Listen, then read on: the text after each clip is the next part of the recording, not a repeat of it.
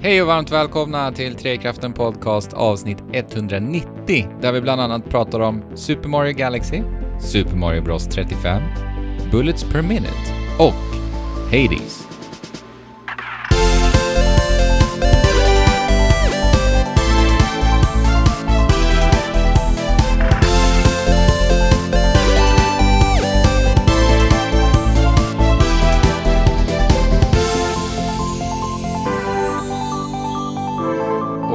Dundrar då Trekraften in med varsin välsignelse. Jesper, vad har du med dig Jag har, eh, jag har en sån här, eh, om jag rör mig snabbt framåt, en så kallad dodge, Mhm. eh, så sprider jag såna hjärtan runt mig och fienderna blir mer benägna att sätta sig ner på en filt och ta en fika. Ah. Mysigt! Men ja, men det är Mm, jobbigt för jag ja. måste hålla på hela tiden och så här svischa runt jättesnabbt hela tiden, så det, det kräver ju Yes. rätt mycket. ja, för, Ja, det, och- för effekten försvinner med tiden. Ja. Ja, den håller bara i fyra sekunder, så det är liksom... Eh, familjen får eh, inte se mig speciellt mycket nu för tiden, utan jag swishar mest runt här i Falköping och bara... Ja. Men eh, om en redan sitter och fikar, blir det någon form av motsatt effekt då? Eller? Mm.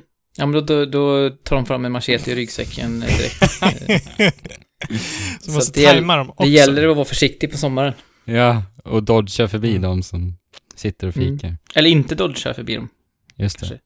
Mer bara gå Men du måste ju hinna fram till de som Ja, ska det. sätta sig. Ja, men det är skillnad på springa och dodga.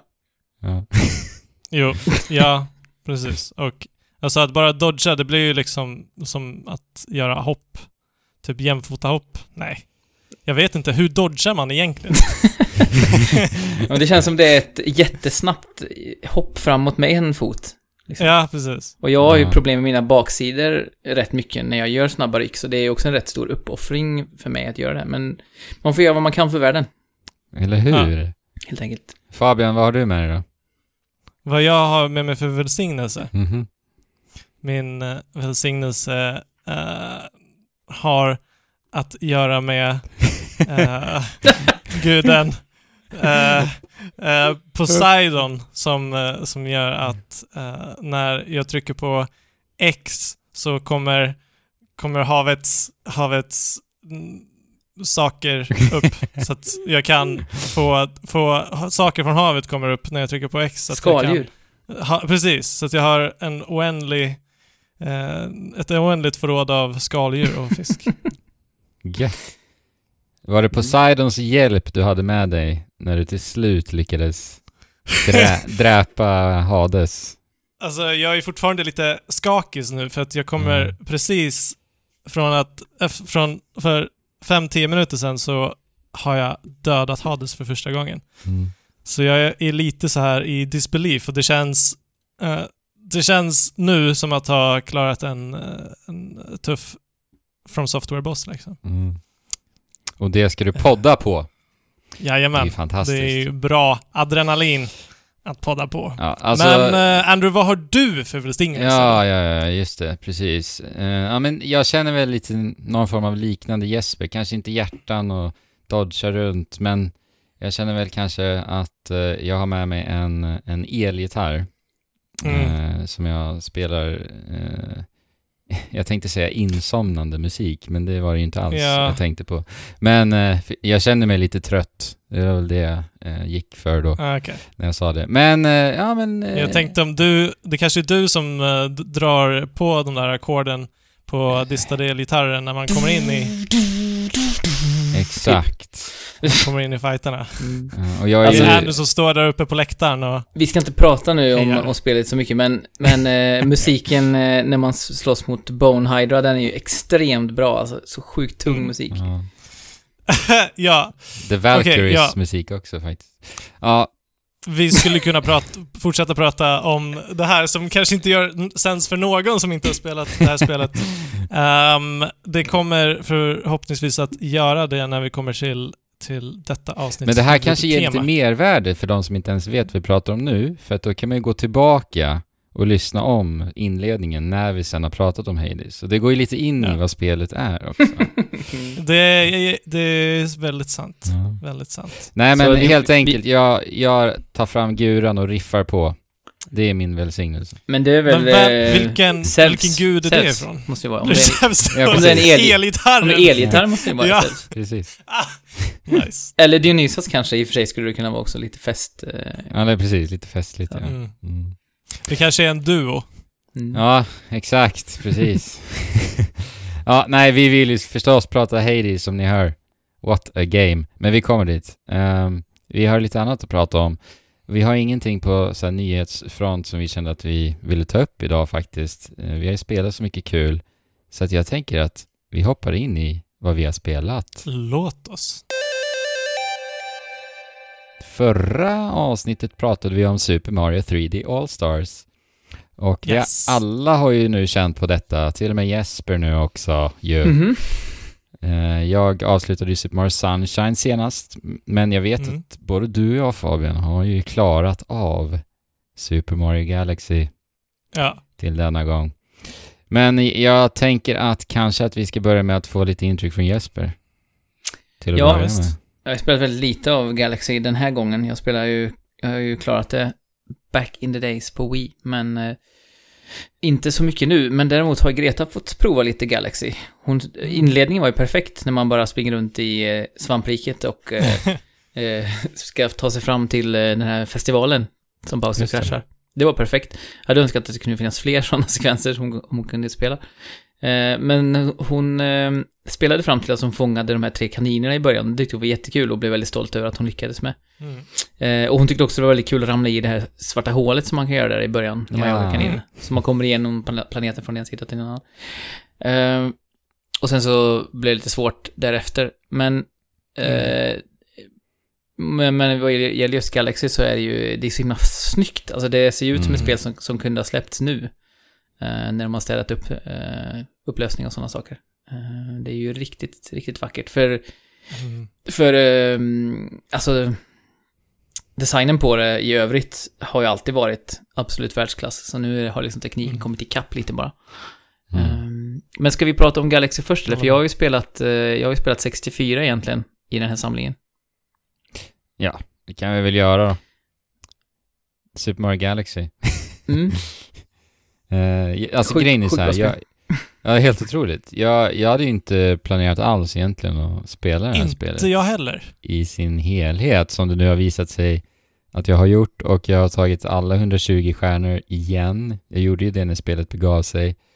Och jag landar faktiskt i att jag tycker att det känns bättre än vad jag minns det. Det tycker jag definitivt också. Ja. Eh, jag, jag kommer ihåg att jag tyckte att det var lite småknepigt att styra Mario överhuvudtaget, men det känner jag inte av riktigt nu på samma sätt. Ibland, Nej. så, ibland så fastnar ju kontrollen med liksom var, eh, var gravitationen ska komma ifrån, så att man bara springer i cirklar typ. ja, Eh, precis. Den är lite märklig, den lilla buggen eller vad vi ska kalla det. Men, ja, en, eller kanske en effekt av tekniken som de har byggt Alla upp. För det är ju system, faktiskt jäkligt eh, förvån, förvånande och imponerande vad det är de har gjort här. Eller Mm. jag skulle verkligen vilja se eh, hur det här ser ut bakom kulisserna för att Mm. eh, det, det är verkligen super, super polerat och Ja, eh, liksom mekanikerna funkar ju herregud.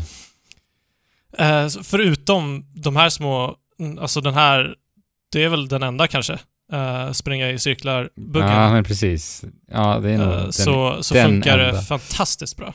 ja. Men jag tycker också att eh, rymdsettingen gör ju ännu mer för den här eh, sprudlande kreativiteten som Mm. det Ja. finns i de flesta Mario-spelen och som är liksom trademarket för Mario. Det är på något sätt, det blir ännu mer magiskt med alla de här starbitsen som flyger omkring och ja. jag vet inte, det är någonting som... alltså, och musiken, det finns ju en... musiken är Ja, bara precis. så här, eh, Den är ju liksom, den är mycket mer episk än i många andra Mario-spel på grund av ja. att det är Mm. rymden, tack vare att det är rymden. Eh, och, Verkligen. ja, det är ju ett otroligt soundtrack verkligen. Det är kanske, ja, det är väl ett av spelarvärldens bästa Ja. soundtracks. Jo, ja, jo. det är, alltså tveklöst. det, är- det är det nog. Men det är också så här, Även jag skrev ju det till er när jag, lite mer- vi har ju vår interna chatt och det är där vi liksom bara bara hjärndumpar saker och ting när vi spelar spel. Eh, och då var jag bara tvungen att, att få ur mig att hur i helvete kan Nintendo bara pumpa ut soundtrack på soundtrack i, i mästerverksklass. Alltså det här är ju Super Mario Galaxy. Men sen har vi också Super Mario 64, vi har också Super Mario Sunshine, vi har också Super Mario Odyssey. Alltså Super Mario 3D World, alltså jag förstår inte. Varenda soundtrack de, de klämmer ur sig är i vad vi säger nu, absoluta världsklass. Mm. Ja. Jag, jag, Det är helt otroligt. Ja, jag har till och med suttit nu och igår lite på kvällen innan vi skulle gå och lägga oss så spelade jag lite grann. eh, Och då bara spelade jag upp lite låtar för Elin från det här soundtracket eh, Mm. i, i samlingen. Och, och bara så här, åh den här låten är så bra, du måste lyssna på den låten, den är så bra. Mm. Och så, så spelade jag också från eh, Super Mario 64 spelade jag Dire Dire Docks som är en av mina favoritlåtar från det spelet. Mm. Och så sa jag bara så här till henne, vad, gör man nu när du hör den här musiken? Ja, man är Mm. under vattnet, sa hon. Ja. Direkt, bara så liksom. Mm. Och det Ja. visste hon inte, hon hade aldrig spelat det spelet liksom. Men de är så otroligt bra Ja. på att sätta Ja. eh, känslan i musiken för att Helt. Hon tog galet. det liksom på fem sekunder. Mm. Ja. Eh, vilket var väldigt häftigt. Jag har ju fått en ny favorit nu, Beach Bowl Galaxy. Mm. Eh, jag, Beach Bowl, ja. Det är en sån låt som för mig har funnits i, i mitt undermedvetna sen jag spelade det, men jag har aldrig riktigt greppat hur bra den faktiskt är förrän nu. Så det var jäkligt, Nej. jäkligt kul att få, få det att nästan kännas som ett, som ett nytt eh, litet mästerverk i sig självt, nu när jag spelar det, eh, Super Mario Galaxy här nu. Jag ska Mm. resa bort nu eh, lite grann. Jag ska jobba på Orust eh, i, i Göteborgs skärgård eh, i några dagar och komma hem, hemma, eller hem, bort ifrån familjen. Och då tänker jag att jag ska spela Galaxy. Det är ett perfekt sån där varva ner på Ja. kvällen efter jobbet spel och bara... Ja. Verkligen. Och eh, upplägget i Mario Galaxy gör att det funkar förvånansvärt bra som pick-up and play-spel Ja, också. Det är verkligen. bite size. Det är verkligen bite-size och där kommer vi ju, som du sa, att eh, eftersom att det är universum så har de kunnat gå helt bananas med Mm. sin level design. Mm. Eh, och det, det har de gjort till någonting helt och hållet positivt. De har liksom fått all kreativitet som de bara kan tänkas få liksom. Och de har gjort det till någonting bra. Och det är också jäkligt imponerande. Eller det är inte bara bra, utan i många, många gånger är det mästerligt. För att det var Mm. kul det måste vara att sitta på de sessionerna i början i, ett spel, ett Mario, eh, utveckling av ett Mario-spel, när man bara ska komma på massa idéer som man kan bara pumpa in i spelet. Det måste vara skitkul att bara sitta där Ja. och. Ja. brainstorma. Undrar hur det ser ut. Ja. För Ja, att- de måste ju ha liksom öppen brainstorming, frihet, ingen idé är dålig liksom. För jag kan tänka mig att många delar av utvecklingen av, av även ett Mario-spel är ju säkert själadkrossande jobbiga liksom. Med tanke på hur polerade de är också. Men Mm. den, den, eh, den, den fasen av utvecklande måste vara riktigt, riktigt kul. För att, Ja. Det de ser man också ju, i- de, de lär ju också ha någon form av hemlig Mario-idékammare där, som de öppnar Mm. upp när de ska påbörja ett nytt spel. Passar det här in till, ja, till nya Mm, Mario-spel? Men jag, när jag tänker på det, så här, jag spelade ju det här första gången 2007 ju. Jag var alltså 17 år, jag hade typ i princip precis upptäckt Xbox live.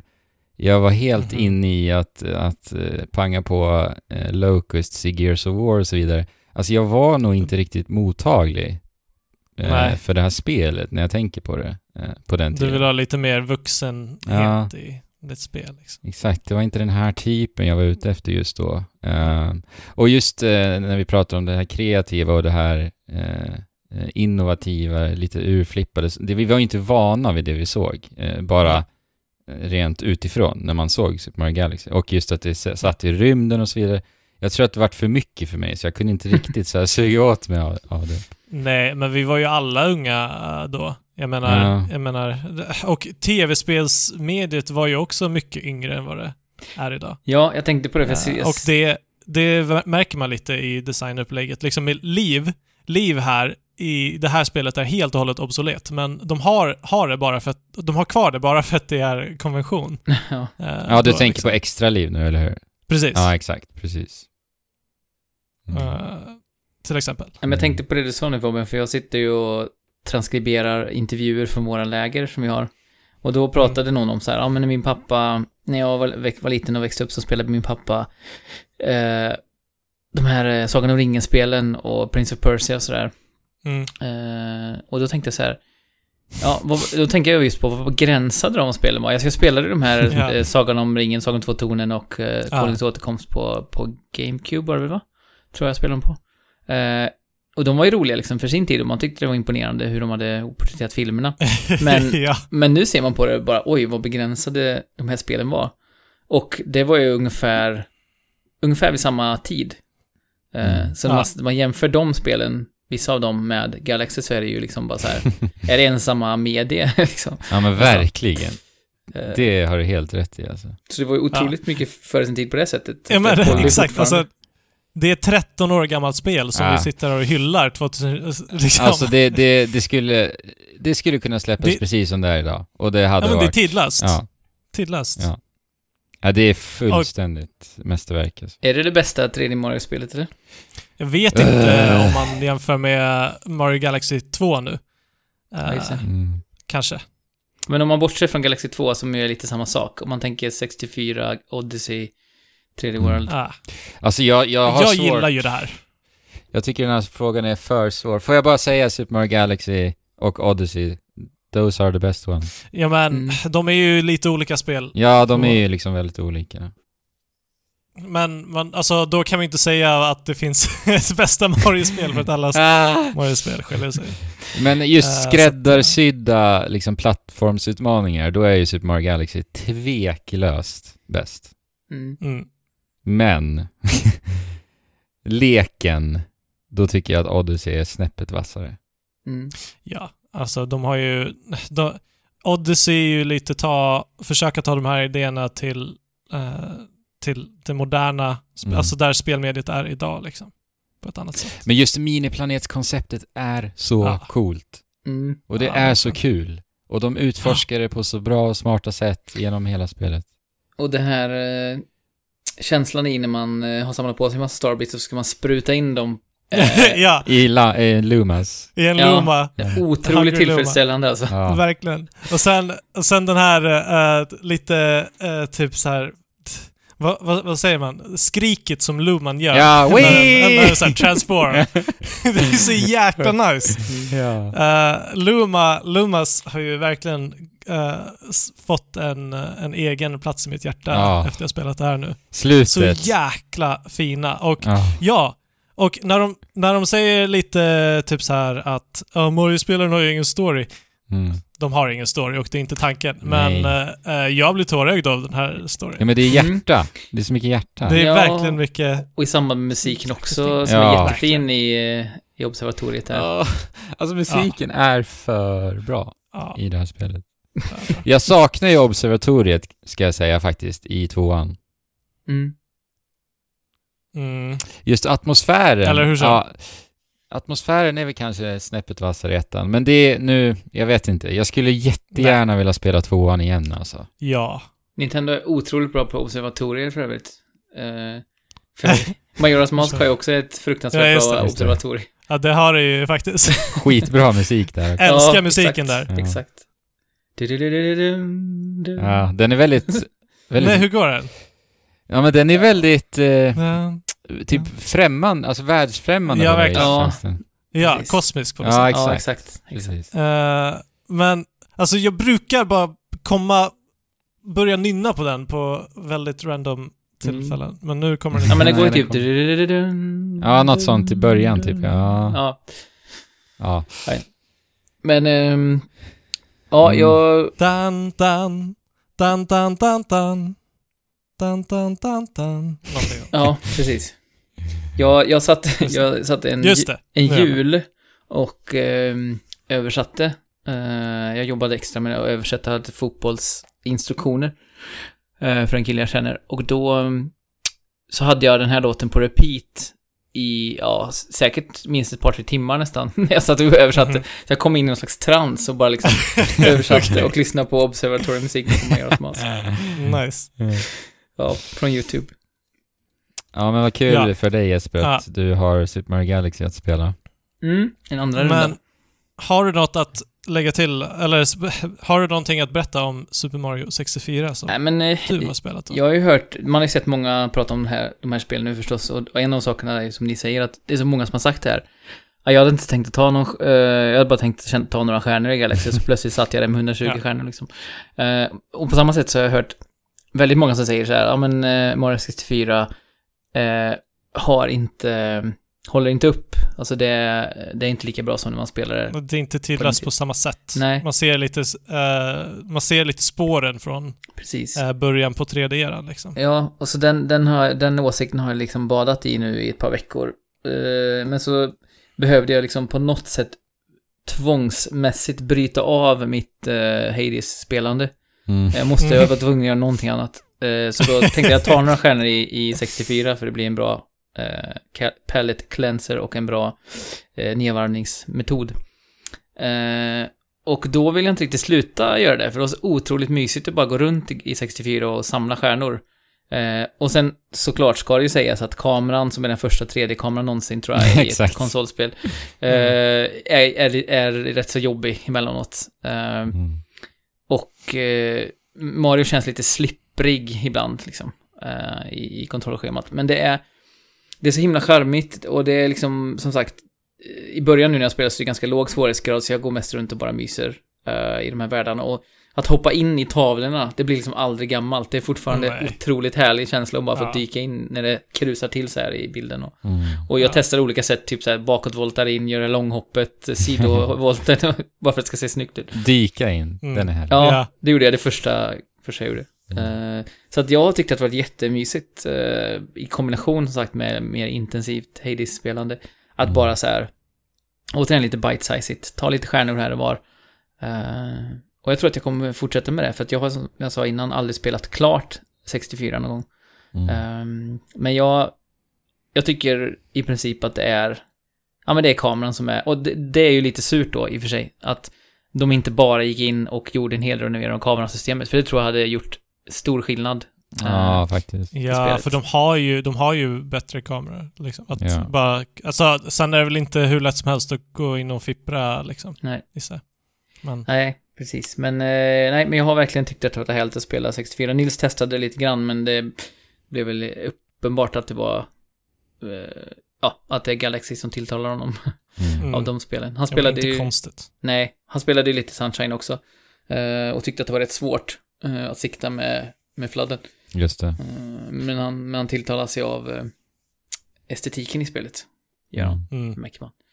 Eh, men eh, ja, han är ju fast i, i Fortnite och eh, Roblox eh, generellt sett, så man får ju Just det. bara försöka få honom att spela andra Var, saker. var glad för din lilla Ja, eh, precis. variationen. Men Mm. på tal om att sikta i Mario Sunshine så måste jag bara lägga till att varför i tusan la de inte till gyro där?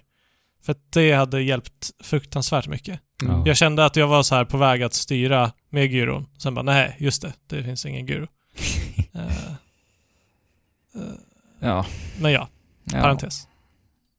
Ja. Mm. Andrew, Vi eh, har ju spelat lite mer Super Mario.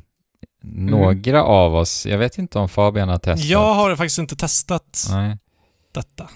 Det vi pratar om är ju då alltså Super Mario... Vänta nu, vad heter det? Super Mario Bros 35 Mm. heter det. Mm. Och det här är ju det spelet som... Eh, eh, eller ja, vad ska vi kalla det? Ja, men det är ju ett spel förstås va? Men det kommer ju endast finnas tillgängligt till mars, i slutet på mars 2021. Eh, och de utannonserar det här under den här Super Mario Directen nu i september. Och det släpptes här nu förra veckan. Ja, jag funderar på det. Det var på fredag, va? Ja, Jag tror funderar på det med Mario, för nu är det 35-årsjubileum nu. Mm. Eh, han, han är uppenbarligen inte 35 eftersom att han, han, han var inte nyfödd i första spelet. Nej. Just, det. Men är han då sju- 70? Eller är han liksom ja, 65-70 nu? Mm. Är frågan. För att han är ju väldigt det- spänstig fortfarande för att vara så pass... Ja. Men du vet, om man äter svampar så håller man sig Visst ung. Sant. Kanske att man åldras ultrarapid fort också. Så att han föddes faktiskt för 35 år sedan. Sen smällde Ja. han i sig en svamp. Ja. Ett extra liv liksom. Precis. Don't do drugs. Ja, nej men... Eh, det här är ju också, det, det, här, det här är också ett Ja, sånt här Nej, spel. jag tänkte, Det är också ett sånt här spel på tal om Galaxy och stjärnor. Som, eller i alla fall för mig, varit så här. Om jag testar lite nu när det har kommit ut här. Jag kör några banor och sen så typ har det gått en och en halv timme och så sitter jag fortfarande kvar och spelar. Ehm, för det är ju... Ja, det, är ju det är ju ett eh, Mario, Super Mario Bros 1 Battle Royale-style är det ju. Eh, det är ju som Ja. Super, Mario Bros 1 parat med Tetris, ehm, 99. Tetris 99 ja. Det är ju samma utvecklare som Ja, gjorde. Tetris 99. men så vad, vad innebär det för någon som aldrig har spelat Tetris 99 och... Men man, Mm. man springer runt på, på alla de vanliga eh, Super Mario Bros 1-banorna. Alla saker är precis som de brukar vara, det vill säga du hittar gömda block där de finns vanligtvis och, eh, och det kommer fiender på de ställena du är van vid. eh, och man kan till och med warpa om man vill. Men vadå, så att det är hela Super Mario Bros-spelet? Ja. Från första banan till sista? ja, men du kan också, det är också så här slumpmässigt vilka banor du får när du klarar av en, en bana. Så att det blir Mm. inte, Ja, nödvändigt- okej. inte nödvändigtvis i ordning, men Nej, okej, okej. Men, eh, och, och då när du till exempel hoppar på en Goomba, eh, då får en av de andra 34 spelarna som syns i, i sidorna på, på din skärm, du har din skärm i mitten och sen har du massa Mm. runt omkring där. Då skickar du ju Goombas till en av dem, plus att du fyller på din Mm. timer med, med eh, två sekunder är det för en va? Eller en sekund? Eh, Jag tror att, nej, två för om du hoppar på fienden, en om du skjuter, Skjuter med, med- eldblomman. Eh, För att jag tror timern börjar på 30 sekunder va? Från Ja. början på varje bana. Yes. Eh, och om du gör, det finns lite risk-reward i det här för att om du hoppar på flera i sekvens Mm. så får du stegrande, du får så här två, tre, fyra, så vet jag inte Ja, om fem är precis. max kanske men. Läggs på en extra Ah. varje. Och du kan också precis som i Tetris Oj. 99 skicka till antingen den som attackerar dig, den som har minst tid kvar, den som har flest mynt eller random. Exakt. Eh, och då blir det ju, jag menar, ju, ju färre, alltså, och, och när man då får slut på tid eller dör, eh, då åker man ju ur matchen liksom. Mm. Och, eh, Och man har bara ett liv. ja, om Ja. du plockar upp ett extra liv så får du istället fler sekunder på klockan 15 sekunder tror jag det är. Aha, okej. Och ju färre spelare det är, desto fler fiender kommer du få till dig, för att det finns ju färre att skicka till. Mm. Så i slutet, när man bara är liksom en handfull kvar, då kan det bli totalt mayhem med så här Goombas precis överallt, och det Mm. kommer Bowsers in och grejer, och för när man det- besegrar en Bowser så Och det är lite kul man för man ser en liten sån här förhandsvisning på vilka fiender som kommer också på en liten På en mätare. timeline. Ja. Mm. Jaha. Och då eh, kan Och du se... Bowser. Ja, så här, tre Bowsers, 39 miljarder Goombas. Eh, och de, är- de fienderna som inte är där naturligt på din bana blir, är gråa, så du ser också vilka du Ja. har fått inskickade. Skickad. Ja. Mm. Men Det Eh, låter ju riktigt festligt ju. mm. ja. Jag har faktiskt Ja. haft ganska kul. Eh, Jag har kommit tvåa två gånger. Jag har inte vunnit, lyckats vinna än. Inte jag heller, jag har kommit trea typ fem gånger, men jag har aldrig vunnit. Ja. Mm. Det. Det låter ju som att det mest är tur där på slutet om Ja, det är så kaosartat. Alltså så här, jag tycker att det här har varit roligt. Jag har spelat ändå mer än vad jag trodde faktiskt. Men jag märker verkligen av att det tampas med, ju med lite balansproblem. Kanske att de skulle gå, gå tillbaka till ritbordet och ja, tänka om lite i designen. För att jag märker, jag tror att du kan hålla med mig Jesper, att det han, spelet i slutändan handlar om who, who, who got the fire, fireflower. Fireflower. Mm, okej. Eh, för att om du har den, då är du i stort sett safe. För att som vi sa, Ja. så får du ju tid när du eh, skjuter Ja, ner just fiender med Fireflower. Mm. Och eh, som vi sa också, så kommer det en hel drös med fiender. Och om det kommer en hel drös med fiender och du har Fireflower, ja men då är det bara pumpa. Pumpa, Och pumpa, även pumpa Bowser med är otroligt eldboll. mycket lättare att besegra med Fireflower än utan. Ja, Mm. och det här gör att du hamnar i, i någon form av loop där du aldrig får slut på tid. Och du förlorar, du, ja, du blir helt enkelt inte skadad. Mm. Så att de sista... Man märker att spelet hamnar i en period efter en lång tid när det är cirka 10 personer kvar, där alla är i den här fasen. Och det enda man väntar på är att någon ska göra ett misstag. Mm. Och tappa blomman, ja. Ja, precis. Och det kan Eh. ta tid, har jag märkt. Men, men det är, för, precis, det är det som är lite intressant. För att Ja. då, då handlar det mer om att typ gå försiktigt, försiktigt. Det blir nästan så här, eh, jag ska inte säga Dark Souls, men, men alltså det blir nästan som att man, man, man rör sig liksom inkrement framåt. Ja, men jo. man, man, har, man har inte bråttom längre då oftast, utan de har samlat på sig så mycket tid, så då Mm. handlar det bara om Mm. att vara jätteförsiktig. Eh, Exakt. Och sen eh, eh, mynten är, ger ju också ett syfte ju, för att du kan eh, eh, ja, slå på ett frågeteckenblock eh, som eh, aktiveras automatiskt var, var, vart du än är, vart du än befinner dig när du använder 20 mynt. Och då kan du få en slumpmässigt eh, föremål till dig. Så att om du blir av med till exempel då, som jag sa, när vi är i den här fasen, alla väntar på att någon ska göra ett misstag, sen så blir du av med eldblomman, ja då kan du ju smälla på ett sånt här frågeteckenblock och kanske få tillbaka det. Och troligtvis har du gans- ganska mycket pengar då också, så att ofta Ja. så går det. Ja. Det, och det är inte typ 20% eller 25% chans om man får eh, eldblomma, för att det är typ powerblock, eldblomma, svamp, Exakt. stjärna va? Är det inte de fyra bara? Jo, och en, en sak, det är en liten sån här balans-tweak jag skulle göra.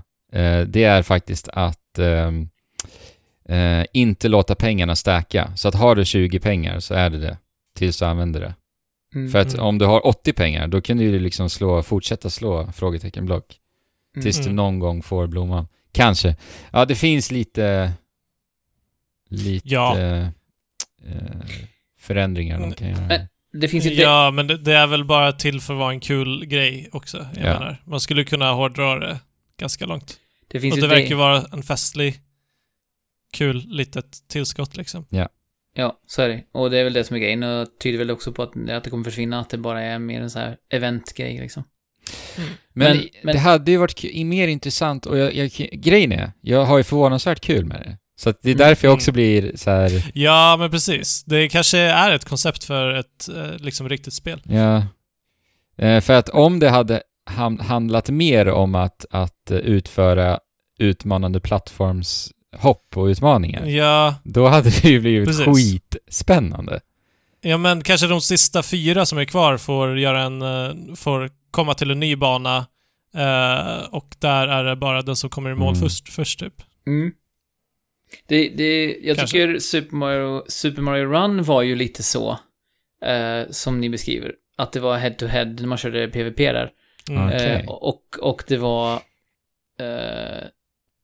Det, var, det gällde att vara väldigt flink och även att göra Mm. snygga grejer för då fick man ju fler Stilpoäng, toads typ. som hejade Ah, på en ja. Och då kunde man Ja, vinna i precis. slutet tack vare det. Jag tyckte, jag tyckte, jag, Super Mario Run har fått väldigt mycket kritik, men jag tyckte det var rätt bra. Jag tyckte det var kul. Det var ju någonting annat såklart än, än ett vanligt Mario-spel i och med att han sprang själv och det var väldigt automatiserat, men Ja, alltså, Mm. men det var ju ett kul liksom, telefonspel för att vara en... Eller smartphone-spel för att vara ett smartphone-spel. Ja, de kunde ju ha tagit tiden, det, liksom. eh, den grejen där, head-to-head-löpningen i PVPn till det här spelet som ni pratar om. Mm. Eh, Men, men Jesper, ja. jag måste Mm. fråga dig. Ehm, I Super Mario 35 så Mm. låser en ju upp nya banor ju Ja. mer man spelar. Eh, hur många har du låst upp? För jag har typ låst upp kanske fyra bara och Ja, jag tror, precis. jag är säkert uppe i några timmar jag har spelat. Samma här, jag tror vi har spelat väldigt lika. Nej, samma. Ja. Men, så att alla spelar inte på samma bana ens? Jo, under sessionen, men när du hoppar in, eller det vet jag i och för sig inte Jesper. Nej men det kan ju vara någon, alltså någon kan ju vara jättesnabb. Någon kan ju springa igenom två banor på den tiden det tar dig att, Ja, klara en bana om du är långsam. just det. Ja. Men, Eh, men det jag blir- tror okej. inte det Men slumpas alla för... får... Jag tror inte det slumpas för spelaren va? Jag tror att, att eh, banorna... Nej precis, det är samma ordning. Ja, samma det är ordning, ja, exakt. För alla. Ja, Så att precis. det jag tänker på här nu är att de här problemen jag pratar om kanske också kan försvinna något när alla banor är upplåsta.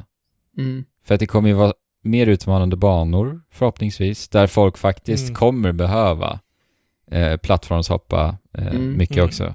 För att jag menar, bana Ja. 1, 1 dash 1, det är ju liksom, ja. Nej, precis.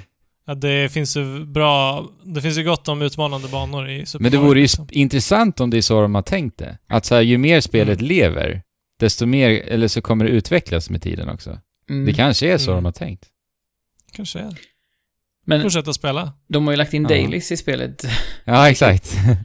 Eh, så man kan klara så här, ja men hoppa på si och så många fiender eller eh, Mm. eh, samla si och så många mynt och det finns massa, massa olika små uppdrag. Men jag fattar inte vad de här mynten gör. De har, inte, har de introducerat någonting För nu har jag Nej. typ 2000 mynt nu och jag tror inte jag, jag, jag vet inte vad jag ska göra med mina mynt. Vad är Det enda du, du kan ju välja att starta en, ett eh, spel med ett föremål och det kostar typ så här 20 mynt.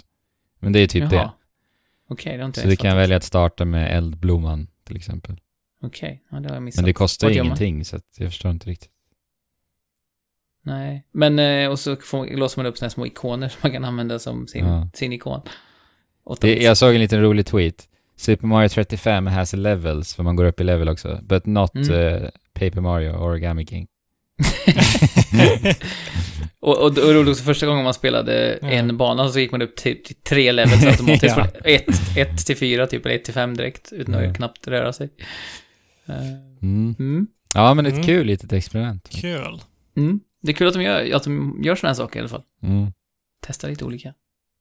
Verkligen.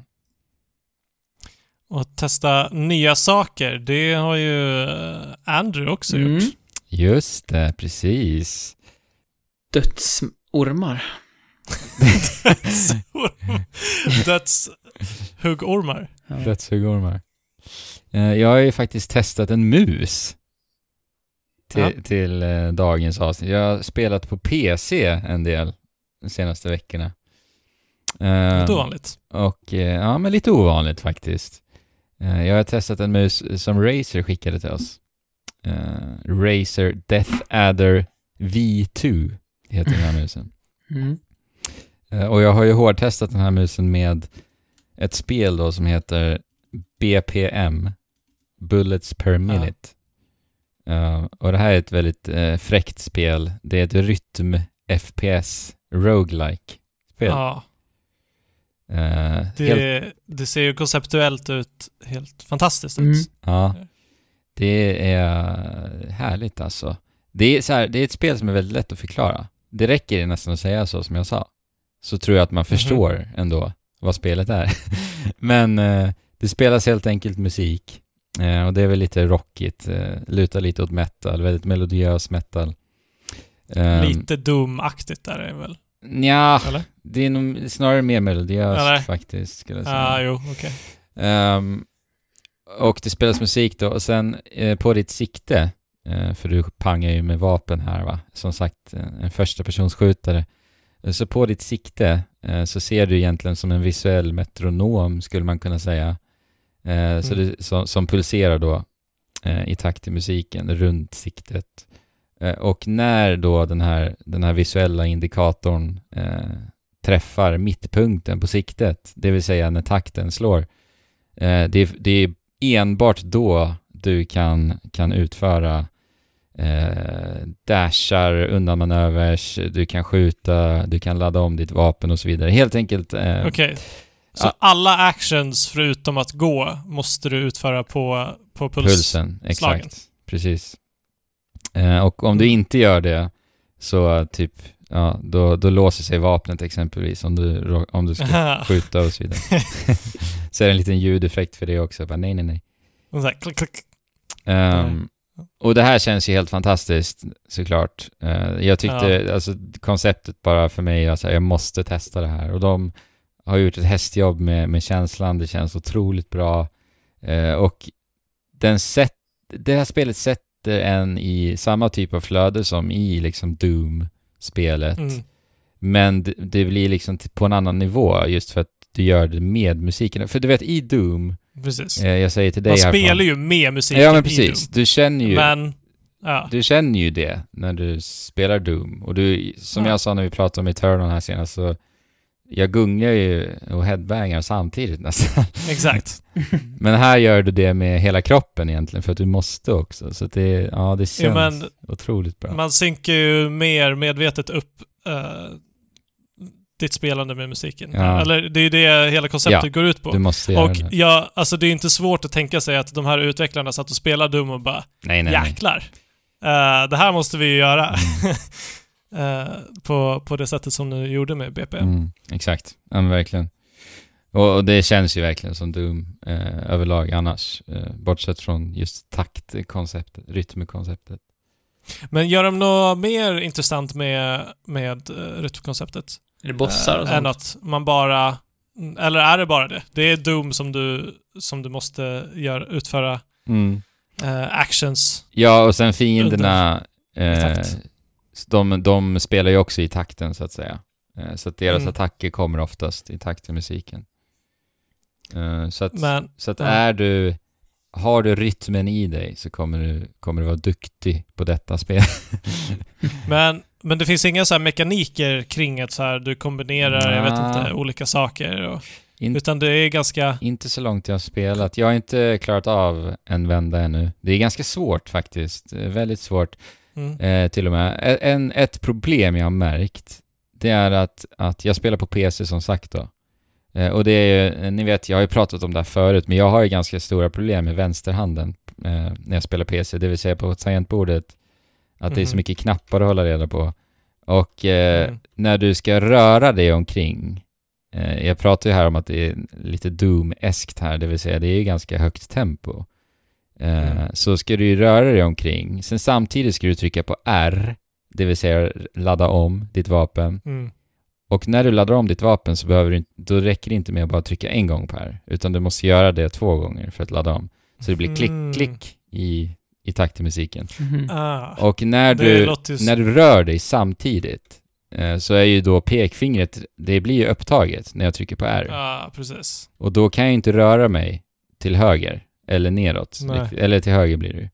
Och där märkte jag att jag blev ganska låst i mitt spelande de gångerna. Det är lite konstigt. Ja, Men kan man remappa? jag har inte utforskat den, det måste man ju säkert kunna faktiskt. För man skulle kunna lägga det på någon mus istället. Ja, på någon musknapp musknapp, istället. Speciellt Ja, det eftersom att Razer Death Adder V2 har, Exakt! Exakt, har extra knappar. Har de inte det? det har den. En hel drös. Två stycken här på sidan här ser jag nu. Eh, Ja. Nej men det har rätt i ju. Eh, det hade jag nog kunnat testa. Eh, men det var väl egentligen det så här, som jag verkligen, just med spelet då. Ja. Vi ska komma till musen snart. Eh, men det är coolt. Det, det, det blir också som att i och med att allting du gör i takt till musiken har ju också en ljudeffekt, så att det blir som att du, du, du är trummorna nästan. Mm. Så att du skapar trum, du skapar musik. Du är en trummis. Så Mm. du hoppla, platt, dick, dick, klick, klick, reload, blam, bling, skjut, bam, Mm. bam, dash. Alltså det låter ju asnice! Ja. Ja men det är... I recommend. Eh, Men finns, finns det bossar i spelet, eller? ja. Gör de någon, Och- gör de någon skillnad i... Det känns, det känns som att bossarna är de som utnyttjar takten mest i deras attacker. Det är lite den Mm. känslan jag har fått. Jag har mött tre bossar tror jag, två eller tre bossar än så länge. Som sagt, jag har inte klarat av en vända ännu. Eh, Och det är ett roguelike spel så att du har ju en vända på dig. Dör du, ja, tillbaka till början. Vad är det du samlar på dig? Det är lite, ja, simpla eh, uppgraderingar. Det kan vara att du får en, ytterligare en dash som du kan göra i, i eh, för säg, tänk så här, om takten är i, i 4-4, alltså fjärdedelar, Mm. bam, bam, bam, bam. Ibland, du kan också skjuta pistolen i åttondelar, så bam, bam, bam, bam, bam, Mhm. bam, bam, bam. En del eh, eh, förmågor du låser upp kan du också komma åt åttondelarna, så att säga. Mm. Jaha, okej så att alla, alla vapen kan man inte göra i åttondelar? Nej. Utan, Precis, eller i baktakt? precis, Utan, exakt. eh, så att de typ snabb... Typ pistolen kan man köra baktakt med också. Ja, och vissa men vapen... inte någon typ så här shotgun. Exakt, vissa vapen kräver eh, båda två så att säga. Eh, och du kan göra det, det, det är det som är lite häftigt här, hur, hur, du, hur du använder dig utav pulsen. För ibland Mm. så, ibland så kan du vilja vänta på fjärdedelen. Ibland så vill du Mm. också använda, eh, eller utnyttja åttondelarna helt enkelt. Mm. Men det finns inga vapen som typ så här, du laddar upp i fyra takter och släpper på fjärde och bara dundrar iväg en laser. Ah. Det, det måste ju finnas. Jag har inte, jag har inte testat alla vapen än, men det måste ju finnas. Ja, eller att det kommer typ, att det kommer lite typ såhär Guitar Hero, att du måste ehm, att du måste trycka på någon knapp i en eh, viss rytm liksom. Mm. Att det är typ såhär, dadan, dan, dan, dadan, Ja, Mm. nej. Tyvärr Ja, det- inte. Alltså, Det hade ju varit asnice. Flera av de här komponenterna i det här spelet tilltalar mig otroligt mycket. Alltså, några av mina bästa spelupplevelser och eh, en av mina favoritföreteelser i spel är ju när, när gameplay samspelar med musik och takt. Alltså till Mm. exempel eh, Res Infinite och eh, Ja. Tetris Effect och eh, ja, diverse. Och, men det känns som att allt annat i det här spelet tilltalar inte mig. Alltså att det är ett ganska så här lite Alltså. Ja, precis. Lite mörkare FPS och dessutom med då metal som genre. Hade det varit liksom eh, sci-fi och, eh, och liksom eh, elektroniska beats, eller ja, precis, J-pop hade också funkat fint. Ja, men lite elektroniskt Mm. liksom, så hade, hade jag känt mig ännu mera... De får släppa Ja. expansion, expansion med någon annan musikstil Ja, och eller- eh, design. Ja. Nej men jag kan, ändå, jag kan ändå se vad du menar. Jag tycker väl på något sätt att så här, est- det estetiska upplever jag kanske, alltså själva inramningen känns kanske lite generisk om jag ska vara ärlig, Mm. faktiskt. Och den är jag väl inte Ja. helt i linje med heller så. Men eh, ja, jag tycker att konceptet är så himla häftigt så jag, jag har ändå haft kul med det. Men jag skulle vilja att, eh, klara av en vända i alla fall. jag har inte lyckats Ja. med det än alltså. Nej. Det är svårt som sagt. Nej, sugen på att testa det här, men det är Mm. mycket bra roguelikes. Ja, det är mycket bra nu. Men har man inte spelat Res Infinite VR, alltså på PSVR, så ta för 17 gubbar chansen att göra det, för det är... Alltså det är... Kommer på min topplista av de bästa spelen någonsin, alltså mina favoritspel någonsin i alla fall. Tycker det är helt Mm. otroligt. Eh, just, Då måste hur, jag göra det. just hur man upplever att vara i... Vara i musiken på något sätt. Mm. Eh, I en liksom... Ja, slåss mot någon sån här superdator inne i datorn samtidigt som du liksom är i ljudvågorna. Det är, det är ja, suverän upplevelse verkligen. Ja. Men finns det bara på PSVR? Jag är osäker. Jag spelade det på PSVR. Ja. Jag tror, nej, ja, det kan nog släppts till PC också kanske. Ja, jag har för mig det. Uh, Tetris Effect gör ju det. Släpptes ju, eller släpps nu till eh, Xbox och PC ja, samtidigt. Nice. Tetris Effect. Det måste jag spela Fast, också. fast, fast det är ju någon, också någon uppgraderad version, så det är inte bara den vanliga, utan de har gjort något. Ja, ja, ja. Du jag. menar det som kommer till. Ja, Mm. men när jag spelade BPM, Bullets Per Minute, Mm. bra namn för övrigt också. Mm. Så Just gjorde det. jag ju det. Så Ja. gjorde jag ju det med en Razer Death Adder V2. jag hade försökt, eller jag tänkte ju på förhand att, att, att jag på något sätt så skulle baka in eh, Razer eh, här med BPM, men det, det var svårt. Så nu hoppar Ja. vi dit. Eh, men eh, jag hade ju en, eller har fortfarande en Steel Series Rival eh, innan. Mm. Det är väl en sån du sitter på också Fabian? Jajamän, den- den är väldigt, eh, väldigt utnött. Utnött ja, ja det här Så gummit, eller hur? S- Ja, vid tummen. Det är hårt nu. Ja. Det, den nöts ut. Eh, jag älskar formfaktorn på den här Death Addern och jag har jämfört ganska mycket Mhm. med Steel Series Rival nu när jag har testat den här. Eh, för den har så här eh, typ urholkningar på, på musklicken. Så, så att liksom På muskicken. musklicken, Vad är det för alltså något? mu, På musklicken? vänster, ja, höger ja. musklick. Så är det liksom som urholkat så här. Så att Mhm. eh, fingrarna bara lägger sig riktigt, riktigt skönt. Eh, och just det här gummit som vi pratar om nu, eh, som har lite textur på sig också vid tummen, det känns faktiskt mer kvalitativt än vad det gjorde på Steel Series eh, musen som jag hade innan. Eh, för den är ju totalt urnött nu för mig som sagt. Det är också in till plasten liksom. Så att jag får väl se här. jag kan återkomma om, om drygt ett år så får vi se om den har nötts eller inte. Drygt ett år. Min, den här, eh, har ju ändå, min Steel Series har ju ändå hållit i liksom fem år eller något. Alltså det togs, Innan det det gick började. jättesnabbt för mig att komma in till plasten på Steel Series. Ja, okej. Jag, jag kanske svettas right. mycket om händerna eller något, jag vet inte. Men vi får det. väl se, den känns i alla Ja. fall överlag eh, lite mer så kvalitativt i plasten just på något vis. Mhm. Ja, men det är ju viktigt att det känns bra. Ja, Att det inte känns för så här plastigt. Ni vet, man, det är många gånger man har suttit med en eh, så här provisorisk mus som Mm. inte... precis. Som bara är liksom 100 kronor på, Mm. på Kjell Company. Och det är inget knak i den, ni vet, som man kan uppleva. Nej. Ja. Utan den är robust, men ändå, men ändå väldigt lätt. Den väger typ 80 gram bara. Så att den är Kan väldigt, du- väldigt enkel. Kan man addera tyngder till den? Du? Oj. Det var en bra fråga, det tror jag inte. Hur skulle det se ut? Nej men det är små, jag har en sån här påse här liggande. Undersidan.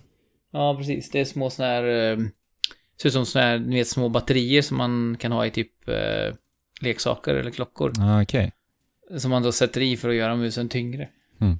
Inte vad jag vet. Jag gillar faktiskt när den är lätt, har jag kommit Mm. fram till. Mm. Eh, för att eh, jag spelar ju eh, FPS, ja, framförallt då, med väldigt låg känslighet Mm. på musen. Eh, för att, ja, jag får en helt enkelt bättre precision då, upplever jag. Du spelar Eh. som CS-proffsen alltså. Exakt. Jag var ju tryhard en Ja. gång i tiden Jesper, Mm. på CS. Men då gör jag ju rätt långa så här, ryck och snabba ryck. Mm. Och då är det, tycker jag, har jag märkt nu väldigt mycket om att den är ganska lätt, eh, vikten. När jag spelar BPM här och gör snabba ryck. Eh, och, sen, Ja. och en annan sak med det som jag märkt, det är att kabeln är gjord av, eller kabeln är inte gjord av tyg, men den, den är omfamnad av tyg. Mm. Eh, och det, I love it, because den fastnar inte. Nej, precis. Så att när jag gör de här rycken så fastnar inte den här jäkla sladden som hände typ jämt för mig innan. Vad har du för musmatta då? Har du en bred musmatta? Ja, det är en ganska bred, stor, Mm. stor rackare. Eh, men just den här eh, modellen verkar marknadsföras av att den är, eller med att den är lätt. Mm, Att den bara väger 82 gram. precis. Jag kan väl tänka mig att det är lite en smaksak om du nu säger att det finns vikter att lägga på också Jesper, men jag Mm. gillar det verkligen alltså. Mm. Hur är button layouten då? Ja, men den känns väl där den ska vara va? Vi har ju två knappar på vid eh, tum, tumposition också. Ja, Och sen eh, höger, vänster musklick förstås. Och sen en scroll och sen har vi den här lilla, lilla knappen eh, uppe på musen också där vi kan ställa in eh, DPI. Precis, olika typer Bra. av känslighet också va? Ja. Ehm, Och eh, också en viktig sak är ju klicket. Mm. Mus, musklicken va. Eh, och de känns typ lite, lite dovare, lite mjukare än vad jag har tidigare. Nu, nu, ni vet ju inte vad jag jämför med, men de är lite mjuka, lite dova, men ändå ett ganska distinkt klick. Så att Mm. den känns riktigt, Ja. riktigt god också faktiskt. Jag har tidigare trott att jag har velat ha ett ganska hårt klick. Mhm. Men eh, ja, jag tycker om när det är lite mjukt och, och härligt också. Så att det inte... Ger ett lite lyxigt eh, intryck Ja. nästan, eller? När det är jo, så. men, ja, men lite premium faktiskt överlag. Mm. Det är nog det, jag- det jag landar i faktiskt. Ja, jag kan ju höra dina klick här, eh, här där, vi, där vi snackar över, Ja. över Discord. Det låter ju riktigt... Det låter ju gött alltså. Köttigt. ser det. Ja, Köttigt. inte... Ja, lite köttigt faktiskt. Inte, inte lika så här nätt eh, och hjält som, som Ja, klicken precis. annars brukar vara. Köttklick. Som, eller, ja. Det är lite, lite mer tyngd i det på något sätt. Men Låter du, som. du har ju Razer-lurar nu, ser jag, och du har Razer-mus. Har du skaffat, eh, eh, vad heter det? Synapse 3 och Philips Hue nu då, så att du kan ha allt synkat med varandra. Så, och, och, ett, och ett Ah. Razer Chroma tangentbord, så att allt synkar i form av ljus och takt, på Just tal om. BPM. Ja, ja, just det. Du kan ju ha till exempel Det i Overwatch, när du är lite FPS-spel överlag, när du går på Ja. kritisk hälsa så börjar det bli rött ljus i rummet, till exempel. Mm. Wow! BPM i, i med, med den där uppsättningen. Mm. Ja, det vore ju helt galet. Mm. Men på tal om det och ljus och så, har du tittat lite in på så här eh, ljusinställningarna och...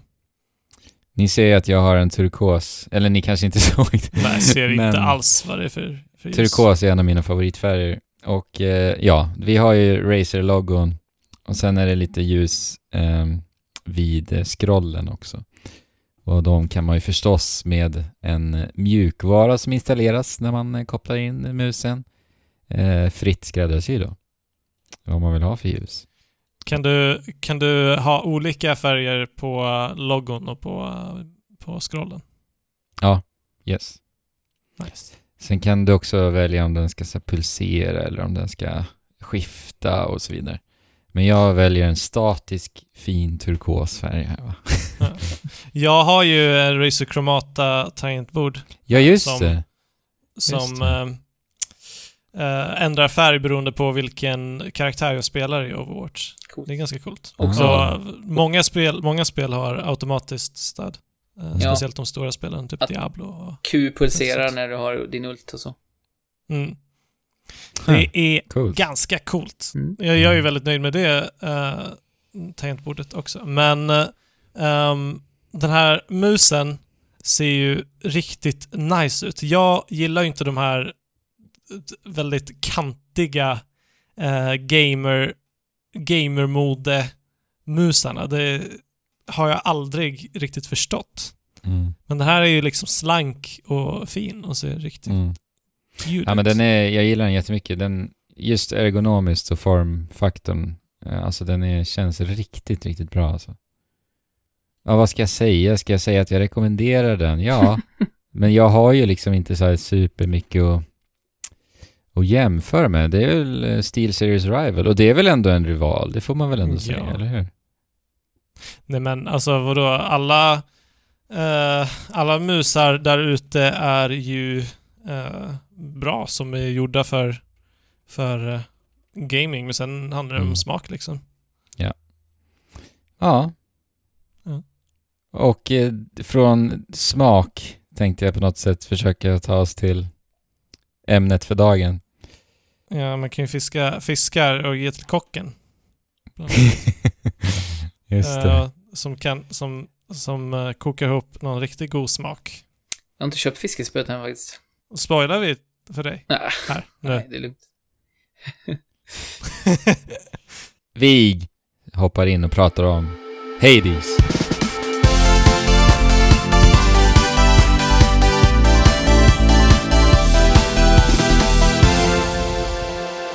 Dum, dum, dum, dum.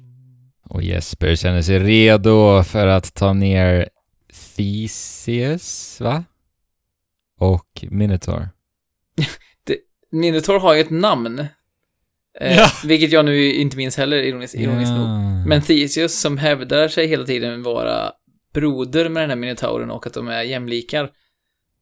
Eh, när man kommer till bossen så står det ju bara Theseus och Minotaur, inte hans faktiska namn. Eh, så jag, jag tänker att det är en liten metahistoria i det här att...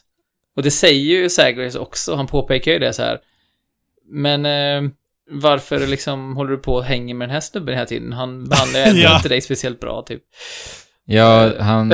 Ble, säger han inte att han blev dödad av Theseus också? Jo, I- precis. I, I det dödliga livet. Ja, och sen räddad. Och sen, un, und, ja, sen undrar ju Saggers, men varför, varför hänger ni? Mm. men vad, vad eh, ser du namnet på Minotauren när du möter eh, honom själv eller när ser man? Nej, jag tror att det är- står Minotaur också. Okej. Jag är osäker, men... Ja, men, Theseus eh, verkar vara en riktig röv i alla fall. ja, herregud. riktig, riktig röv. ja. Hades, Supergiant Games, Ja. Jespers kärleksstudio, får vi Mhm. säga. Det får vi säga. Bortsett från Nintendos eh, egna studios, eh, så, så är ju det här min absoluta favoritstudio, utan tvekan. Eh, kanske även inräknat Nintendos egna studios. Mm. Eh, som sagt, jag har ju älskat varenda sekund av varenda av deras spel tidigare. Eh, utan att ta i. Och du äger 79 stycken. Typ. Ja, men man, jag, vi räknar ju upp att jag ägde sju versioner av Bastion och, eh, och Transistor. Mm. Pyre äger jag väl bara på två plattformar eller någonting och nu äger Hades på två. Så det är ju tio, det är ju liksom tvåsiffrigt antal spel och de har släppt fyra spel. Eh, så i snitt två och en halv per, per Mm. spel då. Men, eh, Det är kärlek. ja, men Det är här, hängivenhet. Ja men alltså, herrejösses Amalia. Mm. eh, ja, ja, det här spelet är fruktansvärt bra alltså. Dra Ja. åt. Ja. det är svårt att bara börja. Tänka att, ja men spy lite kärlek.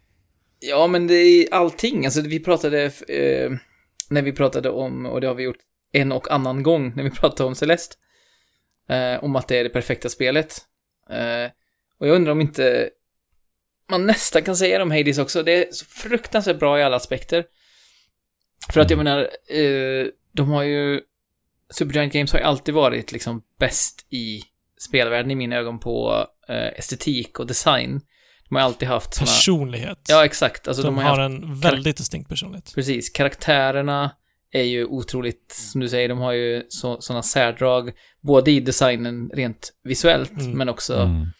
Eh, berättarmässigt. Och, Mm. och allt hänger ihop också. Alltså musiken, eh, eh, porträtten, hur karaktären är porträtterade rent visuellt och eh, hur de för sig är en sån enhet. Och det är så Ja. fruktansvärt coolt. Jag älskar ju när spel är genuint coola, eller vad ska säga. Ja. Eh, och det är, ju, det är ju deras spel verkligen. De har så otrolig Ja. känsla för stil.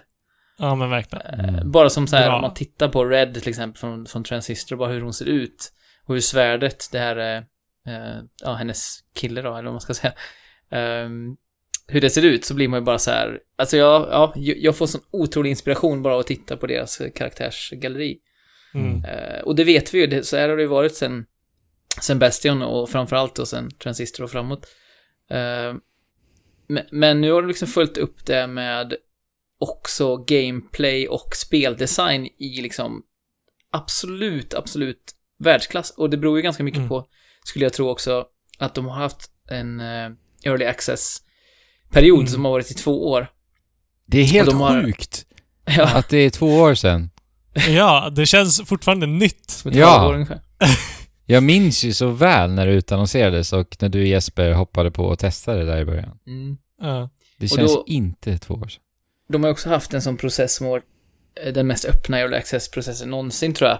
De har ju liksom gått in för väldigt hårt för att vara eh, transparenta och att Mm. feedbacken ifrån de som spelar blir hela motorn för spelets Mm. utveckling från, från early access till 1.0 och det man kollar på Och de har patch, också varit konsekventa, väldigt konsekventa, eh, från dag ett.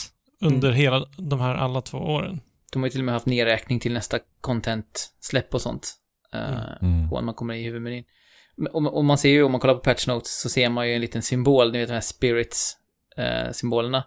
de här små, vad heter de? De heter inte spirits, Shades. de heter shades va? Ja. Eh, mm. När communityn har lämnat feedback som har gått igenom så markerar de det också i patch notesen för att visa att Mhm. det här har kommit Mm. från communityn. Och, eh, ja, och det har de inte gjort tidigare och det har väl nästan inte någon gjort riktigt på det här sättet tidigare. Och det har ju också borgat för som sagt att det här paketet är ju, är ju inte bara komplett i form av sin estetik, utan också fruktansvärt bra gameplay. Och vi kommer in på detaljerna snart, men det är det jag tycker, du sa att jag skulle bomba kärlek, och det är verkligen det jag tycker Mm. att det här paketet är liksom man kan hitta säkert lite små saker här och var, men de är så otroligt futtiga och bleknar i, i jämförelse med det hela paketet som är Mm. Alltså oerhört Ja. Bland det bästa jag har spelat någonsin, måste jag säga. Mm. Ja. Jo. Där jag tycker att det här, alltså Supergiant Games överlag, eh, och inte minst det här spelet, utmärker sig är liksom sin attityd i sitt berättande. Mm. eh, som, som är väldigt distinkt. Och som också gör att det blir väldigt relaterbart då, du, Ja. då de också är... Det är inte relaterbart kanske från första början, men de liksom tar emot dig med öppna armar och säger, de säger typ i princip kom hit, kom in i, kom in i vår famn. Mm. Eh, och där, och då, du bara okej, så går du dit och sen så börjar de krama dig och sen vill du aldrig lämna deras famn. Ja, men det är så himla bra, du sätter fingret på det, för att det, det, jag sa att jag gillar co- spel som är coola, Ja, men, men i det så kan det ofta vara lite så här att man ska vara kylig eller avståndstagande i, i, i det, liksom att man ställer sig lite så här och röker en cigarett och lutar sig mot en vägg, liksom, den, den stilen. Och det är absolut inte deras Mm. spel, det är precis som du säger, Nej. det är snarare så här, kom så är vi coola tillsammans ungefär. ja exakt. Eh, och eh, det som du sa nu, att man kan relatera till spelet, det är ju klart att grekiska gudar och dödsriket, det är ju lång, ganska långt ifrån liksom vår vardag. Men om man tänker på hur Pyre var så är det ju ännu mer out there. Som sagt, det är någon så här... Eh, Fantasisport. typ, ja, men, eller? ja, Mm. och så, så här sni, en snigelhäxa från eh, mörka skogen med tre huvuden. nice. Och hon lyckas de få liksom att känna som, jag förstår hennes motivation, jag kan känna för henne liksom. Eh, och det är ju ett, det är ju ett bevis på hur otroligt bra de är på, på att skri, skriva karaktärer och skriva dialoger. Mm. Mm. Eh, Mästerligt. Och vi pratade ju om det här lite förra avsnittet tror jag väl, att vi var lite... Eller jag blandade ihop det med öppna världen nu, kanske pratade lite om Hades öppna världar också, lite lätt, men... Att, att, att jag blev besviken på settingen när, när Hades utannonserades. Jag tyckte så här Okej. att, Ja, Det är så här, grekiska gudarna. ja, det har man ju sett massa gånger liksom och Är det mytologi? Mm. det kändes lite så här gjort. Okej. Eh, Ja. Och ja, men estetiken överlag, det här mörka. Och jag tyckte verkligen så ja, Ja. jag vet inte, det här känns inte alls lika intressant som Transistor eller Pyre. Eh, Nej. Okej. m- men när man spelar det så förstår man ju återigen så aha, okej, de är liksom bara bäst i världen på att, att göra karaktärer relaterbara, så det spelar nästan ingen roll vilken setting, de kan vara liksom i precis Nej, vilken setting exakt. som helst. Jo men precis, det spelar ju ingen roll eh, egentligen. Att, eller jag tycker ju att mytologi överlag är riktigt jäkla coolt. Mm. Men alltså så som de... De framställer ju mytologin och eh, alla...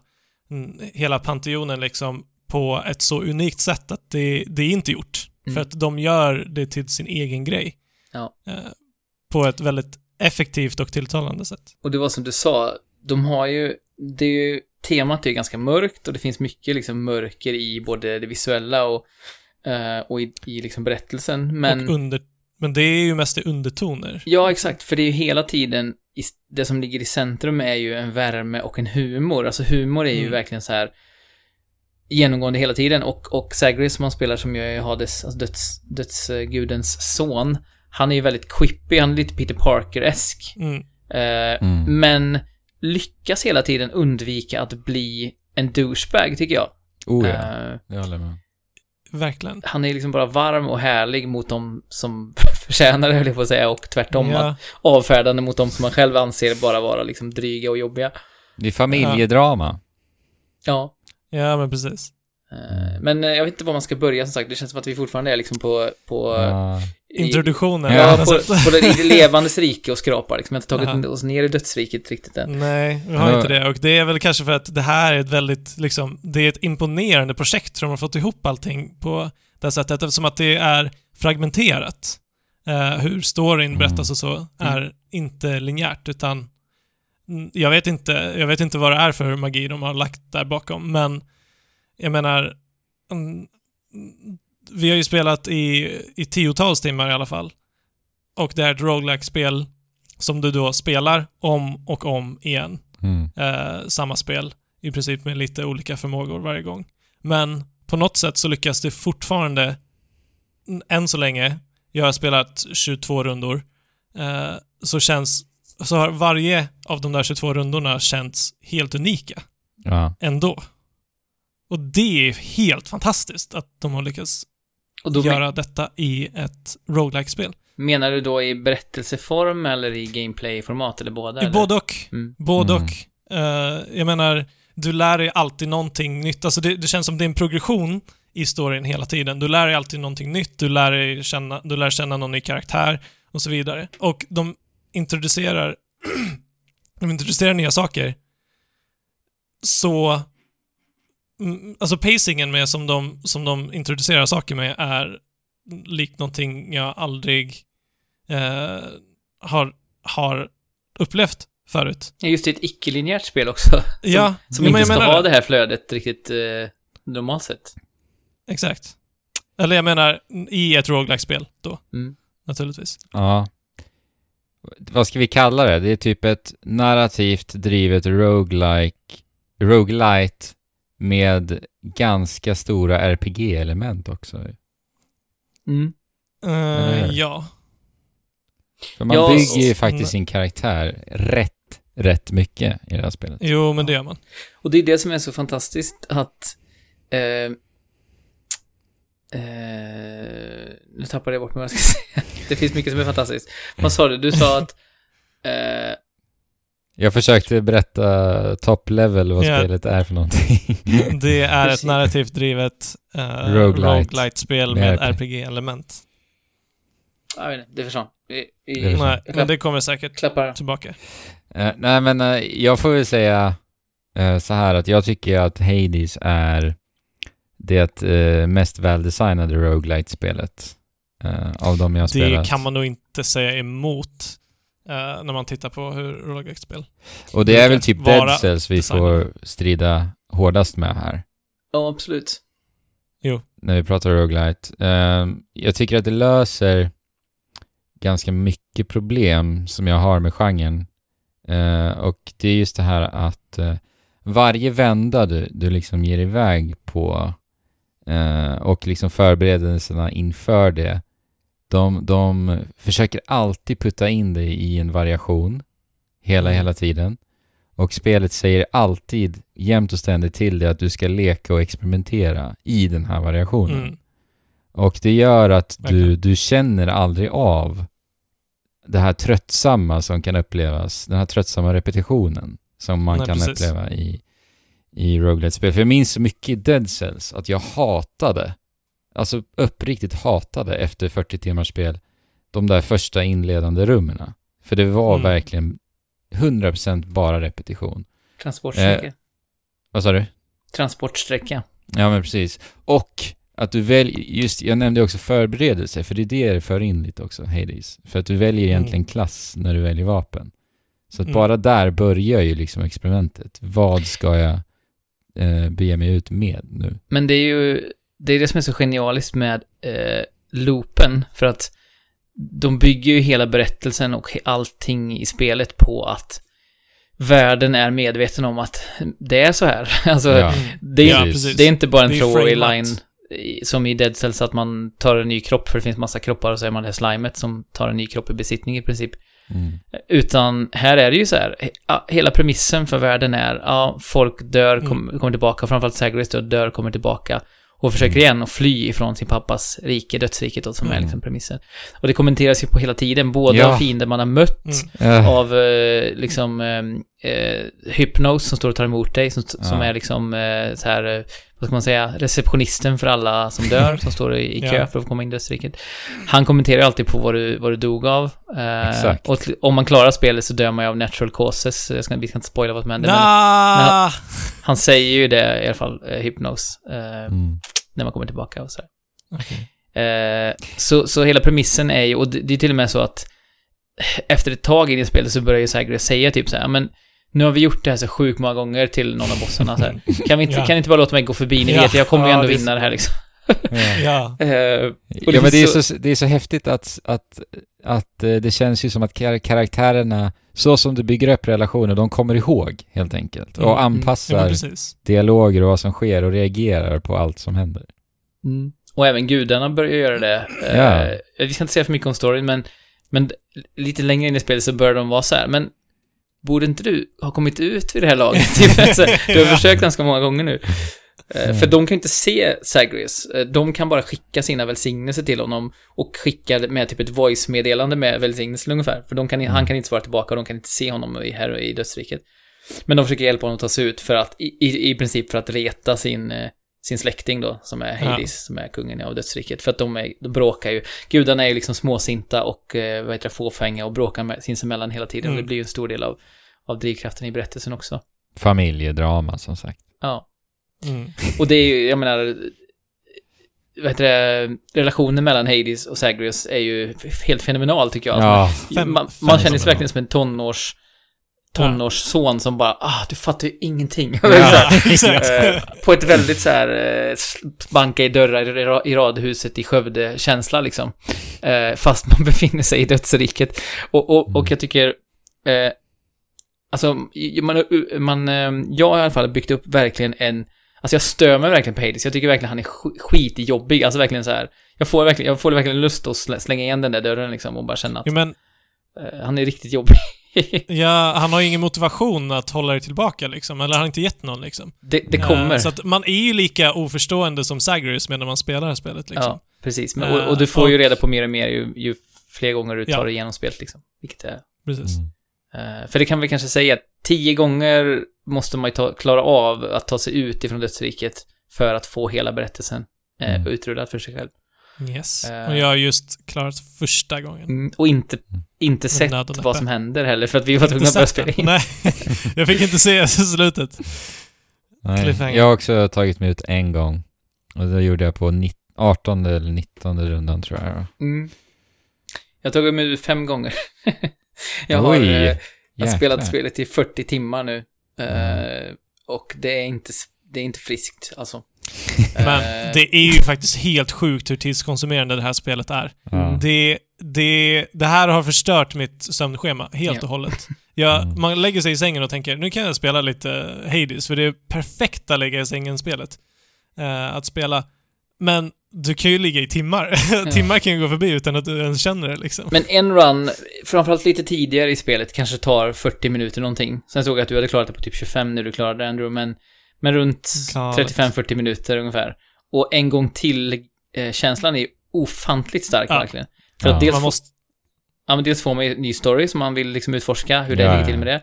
Och sen får Och- man ju då lite valuta så man kan uppgradera sina eh, förmågor. Och du kommer på nu, den här runnen ska jag göra en nyckelrun så jag kan låsa upp ett nytt vapen eller något. Du hittar liksom ett, ett mål för dig själv varje gång. Alltså, åh, det där är så bra. Det, det är ju det här, att, att ingen vända känns meningslös i Hades. Nej. För att exakt. det finns så många små olika delmoment som du kan sträva efter. Och som du längs vägen lägger ditt fokus, skiftar fokus mot beroende på Mm. hur det går och så vidare. Och det är Mm. det som är så snyggt. Ja, precis. För att man känner så här, Mhm. nej nu har jag lite för lite DPS den rundan. Jag kommer förmodligen Exakt. kanske inte kunna klara av sista bossen. Ja, Okej, då Mm. maxar istället eh, nycklarna eller darkness. Precis. Som är det man då uppgraderar sina beständiga förmågor med. Eller eh, ädelstenar som man kan bygga sitt hus med. Eh, eller dödsriket, lobbyn Mm. eller de olika hus, rummen där. Eh, ja, det finns ju som sagt så mycket. Det finns massa olika valutor, men jag känner aldrig att det har varit rörigt eller jobbigt. Liksom att det känns som så här, typ ett free to play-spel med så här åtta valutor som man måste hålla koll på. Utan det Nej. känns bara Nej, som att nej, nej, nej. Aldrig allt. ens tänkt den tanken. Nej. Nej men det är väl det, är väl det som är, är, det, eh, så gör det här spelet till någonting alldeles extra. För varenda detalj, eller det, det- ska jag säga så här, det är så sprängfyllt med sådana här detaljer. Eh, som, man, som man kan tweaka lite här och var. Eh, Exakt. För att Va- liksom... Bara det här incitamentet, ni vet när vi ska välja vapen innan vi går iväg, Mm, så kan eh, en del vapen ha den här indikationen på att ja, om du använder det här vapnet den här vändan, då kommer du få 20% eh, mera av darkness, det vill säga egentligen erfarenhetspoäng i spelet. Ja. mm. Eh, och bara det är så här, ja, ja men då testar jag Mm. väl igen skölden som jag egentligen inte tyckte kanske var det absolut roligaste vapnet. Mm. Men då testar jag den. Och sen ger jag mig iväg. Och sen längs den vägen, ja men då träffar jag på skithäftiga välsignelser som gör den här skölden Ja. hur rolig som helst ändå liksom. Ja, precis. Alltså det, ja, och, det, du- och bara, kan, det bara blir ett smatterband av, av smarta designval. Och som- ja, och också den här upptäcktsresan när du, Mm. när du lär känna alla gudar och alla väl- välsignelser som de kan ge och så vidare. Och den här processen, tankeprocessen som sker Mm. i ditt huvud, att så här, det här skulle jag kunna använda till det här vapnet. Mm. Mm. Eh, och de här kombinationerna skulle jag kunna göra med den här. Så, här, så att du ger dig också alltid ut på varje ny runda med en tanke att det finns en möjlighet att Precis. göra massa saker. Mm. och sen får man ju se som sagt, ibland kan det, för man väljer ut, varje gång man får en sån här välsignelse, eh, så får man välja mellan tre olika. Eh, och det kan ju bli så att din plan går in och det funkar bra, eller så får du Mm. som sagt revidera planen efter typ Mm. sju, åtta rum så märker man, nej det har inte funkat, då får jag sitta på det här istället. Så och, och det är ännu en del som jag tycker är helt makalös, för jag älskar ju eh, den här typen av eh, späckbyggande, alltså det är en av de Mm. bästa Mm. sakerna jag vet i spel, att få hålla på med och fippla med små olika moduler och sätta ihop. Mm. Eh, men jag tycker inte om när det kan vara så här, ja men du får eh, två och en halv gånger mer damage i den här, eh, vad heter det, i det här elementet. Och du Mm. slår eh, en och en halv gånger fortare. Och alltså när det blir för granulärt, när det blir för detaljerat. Ja, när det inte Och jag in- märkbar, ingen märkbar skillnad. Eh, Exakt, när jag inte Mm. märker någon skillnad, utan jag måste, jag måste ha så många bäckar små att Mm. liksom jag kommer märka en skillnad om en halvtimme. Men det här spelet är perfekt på det sättet för att man får hela tiden en skillnad som känns i nästa strid du går in Oh i. ja. Ah, nu har jag den här Just. förmågan, eller nu har jag den här extra damagen, eller nu gör jag mer skada om jag kommer bakifrån, så nu ska jag förändra Mm. min, spel, min spelsätt Precis. och, och attackera Mm. bakifrån. Så jag tycker verkligen de har nailat det perfekt där också, att det är tillräckligt märkbara skillnader för att man hela tiden ska eh, känna sig belönad i nästa, Mm. nästa moment. Verkligen. Och de här välsignelserna har ju olika ehm, rarity också. Mm. Mm. eh, som gör det lite extra tillfredsställande när du får exakt rätt boon eh, med, med hög rarity. Ja, och det är också det jag håller på med just nu, för ju längre man kommer in i spelet, desto fler sådana här förmågor kan man låsa upp att eh, levla dem med sin XP eller Darkness. Och nu har jag hittat en som gör att jag kan levla, att större chansen att få Legendary Boons. Mm. Eh, och det kostar ju multum då varje level och det ger 1% varje gång jag levlar Ja. den, så det är liksom eh, väl, verkligen grind. Men bara det, när man får den här guldiga ramen runt då, och så står det Legendary, då blir man ju liksom, hjärtat hoppar ju till verkligen. Ja. Och det tycker jag, Men sen- spänningen som är i spelet varje gång, nu har jag 40 runs, har jag gjort nu. Mm. Och varje gång jag ger mig ut på en ny run så känner jag det här pirret, undrar vad som ska hända nu, vilka boons kommer jag få? Ja, det är lite lootbox, liksom, det, det är en lo- lootbox-fest varje gång Mm. du spelar. Utan att behöva betala en. Utan att behöva betala eller göra någonting. Liksom. Det är en del av designen. Och allt vi har pratat om nu med så här eh, design och system och så vidare, så har vi inte ens pratat om the act of playing the game. Nej. Nej, men precis. och det är också bara, ja, Men det, det sätter ju ramen för allt. Allting vi pratar om är ju, eh, knyter ju an till, Jo, jo, absolut. till Ja, Men det är bara helt sjukt att medans allt det här bra som vi redan har pratat om, så är det också typ det, det ja. Ja. vad ska vi kalla det, eh, isometriska top-down-spelet som någonsin, eller som har känts bäst någonsin att spela typ. Ja. jag. Alltså Mm. varje slag du utdelar känns bara som så här. Alltså det bara träffar någon slags järn, liksom spark som bara, pooh, det är som att det är så här fyrverkerier i hjärnan varenda gång du utdelar ett slag i Hades. Och inte på ett billigt sätt, utan det känns verkligen som att så här, de har tweakat varenda liten touch, varenda liten Mm. ljudeffekt, varenda liten visuell effekt Mm. till. Absurdum liksom. Så att det känns som att så här, ja, exakt så här skulle jag vilja, Mm. jag kan inte komma på hur jag skulle vilja att det skulle kännas annorlunda. Hur, hur, Nej. hur eh, alltså typ så här Nej. slowdowns är när Dashen man... är perfekt Ja. lång. Alltså, ja. Mellanrummet mellan dashen tills du kan använda den igen är perfekt. Ja, det är... ja. Eh, och, eh, och nu tappar jag vad jag skulle säga.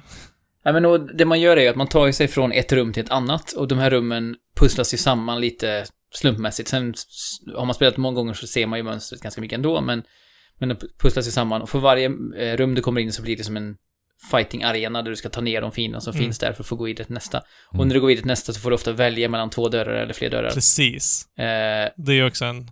ja, vill du då sats- satsa på, ja men här ser du Afrodites hjärta i den här dörren. Ja, i den här dörren ser du ett sånt här Pom of Power som gör att du uppgradera en befintlig förmåga istället, en level. Ja. Och så får du välja liksom vilken väg du ska gå. Och sen när man ser hammaren, då bara... Ja. Då går I man go it. Ja. Ja, och bara det ljudet när man plockar upp, eh, vad heter han nu då, Daedalus, den eh, legendariska Ja. smeden, som Ja. lä- lägger ut sina hammare lite här och var. Eh, det, det kommenterar de också på för övrigt, eh, Ja. i spelet. Att eh, han, han, han har ju liksom...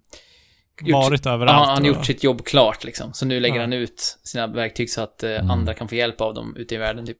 Men i alla fall det ljudet som blir när man plockar upp det, är bara det här eh, hammaren mot en plåt. Mm, just det. Eh, det är också en sån här liten detalj som är så otroligt härlig att höra bara dunk och så ser man de här ofta ganska omvälvande förändringarna som görs i ens grundmekanik i attackerna på vapnet. För att man Mm. har ju en attack, man har en special som är en area for effe- effect-attack oftast. Och så har man en Mm. cast som är en magiattack som är en ganska lång distans och som gör ganska mycket skada ofta. Men de Mm. eh, måste man, eh, de fastnar i fienden. Så då måste man retrieva när man har dräpt Ja. fienden. Eller om det är en stor fiende så, så poppar de ur efter ett tag. Eh, Ja. Så de har Och man inte hela casten tiden. är universell, eller hur? Ja, Det, precis. den har du alltid, oavsett vapen. Ja. Blood. Crystal är det ju ursprungligen. Sen byter man ju ofta den under, under vägens gång till någonting annat som gudarna Exakt. bistår med. Men, Mm. Ja. Men det representerar ju samma... så- Alltså, den attacken. ja. Och Blood Eh, precis. Och gudarnas personlighet eh, influerar ju också vilken typ av boons de ger och vad attackerna som man får från dem gör. Så att Exakt. till exempel då Dionysus som är guden för fester och, eh, och liksom Ja. eh, vitt leverne så han har ju olika så här baksmälleffekter som gör att fienderna tar eh, kontinuerlig skada. Tickande skada liksom. Och Eh, blir eh, slöa dessutom. Mm, precis. Ja, och det funkar liksom. Det är, det är så whimsical och härligt. Ja. Så att det liksom funkar Ja, så himla bra i den här kontexten. och det är också deras personlighet sammankopplat med detta. Ja. För Dionysus Mm. är ju så här... ja, ha- han är ju en kille jag inte skulle vilja hänga med om man säger så. Han är väldigt, eh, eh, alltså brettig. Så här, tänk Mm. så här Östermalms snubbe som, som vaskar champagne. Alltså den, den auran har han ju liksom. Han Eh, håller väl i ett vinglas också? Mm, Mm. Ja, men han är ju fest och vin, Ja, precis. precis. Mm. Eh, Men, eh, ja, och sen det, fin- det är fyra stycken världar kan man väl säga. Det är ju bara fyra nivåer. Mm. Mm. Och det är ju de olika nivåerna i dödsriket, så man hamnar ju längst ner då i, vad heter Tartarus. Tartarus, ja. Tar Där man börjar.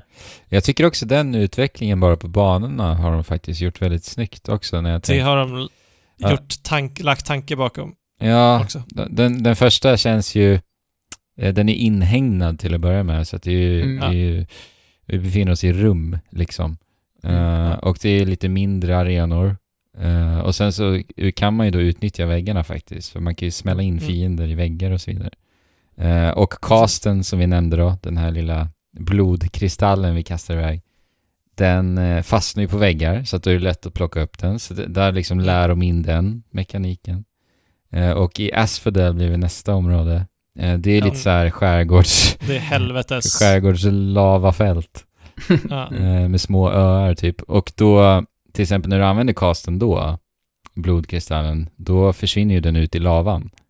Så Mm. då lär du Du dig kan- att, ah, kanske måste vara lite på min vakt när jag använder mig av den här. Precis. Du kan ju dock dasha ut i lavan och tillbaka och hämta den, men det är ju... Exakt. Slarvar du med tajmingen där så kommer du ju bränna, bränna fötterna. Fast Mm. som sagt, Zagreus kan ju stå lite en stund i lavan för att han själv har ju Mm. eld under sina fötter. Det blir som eldpuffar Mm. hela tiden när han rör sig i miljön, vilket också Så är väldigt snyggt. härligt. Ja men Och som har exakt. storyförklaring, det också. Förut. Ja, Ja. exakt. Så- Eh, så att uh, Asphodel tvingar ju en till en mycket mer rörligt spelande. Mm. Eh, just för att går det på lava, ja då tar vi skada. Ja, och, och man kan ju dasha över lavan så det, Mm. det motiverar lite till mer movement. Och Elysium, då är det mycket sköldar och eh, rustningar. Mycket traps att, som är... ja, Armor. precis. Och- allt, allting typ re regenereras i Elysium. Traps och Ja, allting också. Det är jobbigt alltså. Inte, Ja. inte alla, för typ de här witches gör inte det till exempel, men, men de humanoida eh, fienderna gör ju det. Mm. Ja, det är ju typ hjältar eh, Ja. i låren som... som Så att ja, de har ju verkligen mycket tanke bakom varje bana också. verkligen. Och sen, Eh, och sen- estetiskt är de ju helt och hållet distinkta och när man Mm. kommer till Elysium, det är ju liksom... Det är ju balsam för själen. Det är ju himmelriket då. mm, Precis. Ekvivalent med Sen himmelriket. kommer vi till Helt- Styx efter det. helt klart den svåra, jag tycker Elysium är helt klart den svåraste världen också. Ja, Eh, Jag tycker den är svårare Ja. än Styx. ja men Styx blir ju lite... Styx är ju typ pressa din tur nu här, så får vi se. Ja, precis. Är det, det, Det är liksom risk risk and reward. reward, Ja. eh, pla, platsen. Ja, och, och det är så snyggt placerat där. Alltså, Ja, öh, det är så bra. verkligen. Det är så ska jag göra en sista push? Ja. Så här, kommer, kommer det vara värt eh, den skadan som jag eventuellt tar Mm. med en, en eh, reward som kanske inte ger mig någonting eller som kanske är avgörande i sista striden? Precis. En, en sån annan faktor med risk reward som jag inte har provat än är ju att man kommer ju till Caron som är den här eh, som skeppar Alltså, själarna över, eh, över, vad heter det, Styx då till dödsriket. Ja, Mm. Och han är ju så här eh, superkapitalist i det här spelet. Han har ju, om man tittar bakom honom så har han så här högar av, av pengar och mynt som bara breder Ja. ut sig. Och jag vet inte om ni har gjort det än, om ni har sett det, men det går ju att eh, på vissa, jag vet inte riktigt vad det är som triggar det, men att eh, det står så här borrow inom citationstecken 300 coins. Jaha, Caron. nej. Är det sant? Jag, an, jag antar jag att det har, det, det, jag- kan tänka mig, jag har inte provat det här, jag kan tänka mig att det här är någonting lite shopkeeper i Spelunky-aktigt, att om man snor de här 300, för det är ganska mycket pengar, 300 mynt, Ja. att man får någon form av förbannelse eller att Caron jagar en, jag vet inte, men jag, jag ser fram emot att testa, testa det i alla fall. Mm. Alltså, jag älskar interaktionen mellan Karen Ja. I, Han jag, bara- jag gav ju honom nektar typ varenda gång jag kom till honom i början Ja. av spelet. så jäkla nice. Here you go mate. Ja. Ja, för För det, är ju... för det är ju någon grej, dels kan ju Caron bara stöna liksom. Men Ja. på något sätt, jag vet inte om ni upplever det på samma sätt, men på något sätt upplever man ju Caron som en jättesympatisk karaktär. Mm. Jag upplever honom som Alltså- så skitgod och trevlig. Och jag, det, Ja, men jag han, vet han, har ändå, han har ändå slagit upp hoppen för dig där liksom. Ja, men precis. Fast å andra sidan, alltså, jag, jag tänker att han, han, är en schysst, han är en schysst kille liksom, men han, han kör ju sitt eget spel, det är uppenbart. Mm. Det står någonstans att så här. ehm, när du dör så måste du ge alla dina pengar till Caron. Så att han kommer ju få alla dina pengar i slutändan ändå. Just det. Eh, så att eh, han älskar ju bara pengar också. Han är ju, han är en... Men varför girig. låter han oss ens spendera pengarna då? Är det för någon form av Nej men då un- måste han ju vara snäll. underhållning av något liksom. slag? Eller? Det, det har ni rätt i. För att han får ju alla pengar i slutändan. Men eh, det finns många- många karaktärer. Sisyphos finns ju med också i, först, i Tartarus, i första världen. Där han står med sin sten och han jobbar Just ju det. aldrig någonsin när man ser honom. Han säger alltid så här, ja, jag hade bara lite rast just nu. Eller ja, jag undersökte mina verktyg bara. Han kommer alltid med nya ursäkter för att han inte rullar stenen upp för backen. Ja. Eh, och han är också så här supersympatisk. Det är ofta som man kommer in i rummet och så står han och pratar med typ ens bror eller någon annan som säger så här Du får absolut inte hjälpa Zagreus nu, nu är det slut med det här liksom. Lägg av och assistera honom. Ja, självklart, självklart. Och så kommer man in i rummet och han bara Det är klart jag ska hjälpa dig. det är så mycket små och stora detaljer som är roliga, alltså genuint roliga, alltså så här Mm. fnissa rakt ut för sig själv roliga. Ja men verkligen, Ehm. det finns djup till det. Det är inte bara roligt, utan det, det finns en mening. Det finns liksom en riktig eh, interaktion mellan Mm. karaktärerna och Zagreus ofta. Exakt. En mänsklighet, ja. Det känns som att det är två Ja. människor som möts och pratar med varandra. Eh, Jag, jag gillar ju Dusa. Ja, jag Ja. älskar Ja. kul. Hon är så fin. Ja. Hon, hon är, det är en ett, så här Medusa, Gorgon, eh, flygande huvud som eh, arbetar riktigt jäkla hårt i eh, The House of Hades. Och Hon är ju typ jätteförtjust i Zagreus. ja, hon är ju kär i honom eh, Ja. över Ja. head over heels, verkligen. Ja. Men jag tycker ändå det blir en fin dynamik, för Zagreus, Ja, jag håller med. han, han, Ja. han tar det så bra på något vis. Mm. Han bemöter henne Ja. så himla fint och Mm, bara är vänlig. Exakt, han är inte så här rockstjärna som möter Nej. sin groupie Nej, nej, liksom, utan han är Ja. verkligen så här. Ja, men det känns typ som att så här, för hon frågar, jag vet inte om ni har mött- på den, men hon frågar vid ett tillfälle så här, eh, hon säger något i sin, hon rabblar väldigt snabbt för hon är alltid väldigt nervös. Ja. Ja. Och så i någon, någon sekvens så säger hon, och sen flyger hon iväg bara. När det, ja, Ja, ra- rakt upp iväg. rakt upp. Men, men hon säger någon gång så här, ja men eh, bla bla bla bla, vi kanske kunde ta en kopp kaffe någon, eller hon säger inte kaffe, Ja, men vi kanske ska ta något att dricka någon gång. Just det. Ja. Och, då, och då säger han typ så här, ja men det vore jättetrevligt liksom, det är klart vi ska göra Ja. det. Och då blir hon skitnervös och bara drar därifrån, men, Ja. men det känns ju Säger typ hon som inte här, bara, nej men glöm det förresten. Ja, Ja. precis. Och hon säger ju också nästa gång man träffar henne typ så här, ja jag ber om ursäkt för, för, Mm. för, att jag sa så dumt senast liksom. Men det känns som att han bara säger, nej men vadå, jag, jag skulle kunna tänka mig att typ Ja, exakt. dejta exakt. dig, alltså så här, Ja. typ, Ja, Han är ju väldigt så här kärleksfull mot henne fast att hon, exakt. för att det hade kunnat bli fel, jag sa det här också i öppna världar, det hade kunnat bli fel där hon- det blir så här abusive, där hon är så här jätterädd för att hon ska göra fel och så kommer han och bara så här Mm. slapar upp Ja. sitt, av sitt ego liksom. Men det gör han ju inte, utan Ja, han är verkligen varm och genuin mot henne på ett sätt som ingen annan. Till och med Nyx är ju ganska, som ju är nattens, natten personifierad och Hon växer på mig alltså. Ja, jag tycker hon är bra, Mm. men hon, hon är ganska tuff mot eh, Dusa har jag sett i vissa konversationer att så här, nu ska du Okej. göra X, Y, Z, O, Ö. Gör det här nu liksom, Ja. iväg med dig. Men hon, du säger ju dömd att för alltid städa, eh, städa hela under jord- jorden liksom. Mm. Eh, och, Hon gör ett hästjobb. om- hon gör sitt jobb och man, man får inte fråga om man ska hjälpa henne för då blir hon riktigt jäkla förnärmad. Ja. Och Och- det, det här är ju en annan aspekt i att, så här, ehm, att bygga relationer genom att ge nektar till Mm. olika karaktärer. Eh, första steget, mm, första steget, första gången du ger nektar så får du alltid någonting tillbaka en, eh, som ett du kan arvegods. använda dig. Ja, eh, som har olika effekter beroende på vad det är för karaktär liksom. En av de bästa är, vad, vad heter han? Skelly. Um, Skelly nice. Skelly.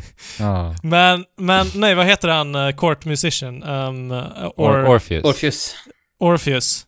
Eh, hans, hans arvegods heter Distant Memory. Mm. Mm. Och den gör 10% mer skada på Distant Enemies. Ja, just det. Just det. Han är ju emo, ska sägas också, Han är som en del av väldigt, det här. ja, väldigt melankolisk. Eh, Eh, Och den, det blir 30% när man har levererat upp den till max, vilket Ja, är sjukt mycket, får man säga. På tal om förberedelser, det här är ju en stor del av det också.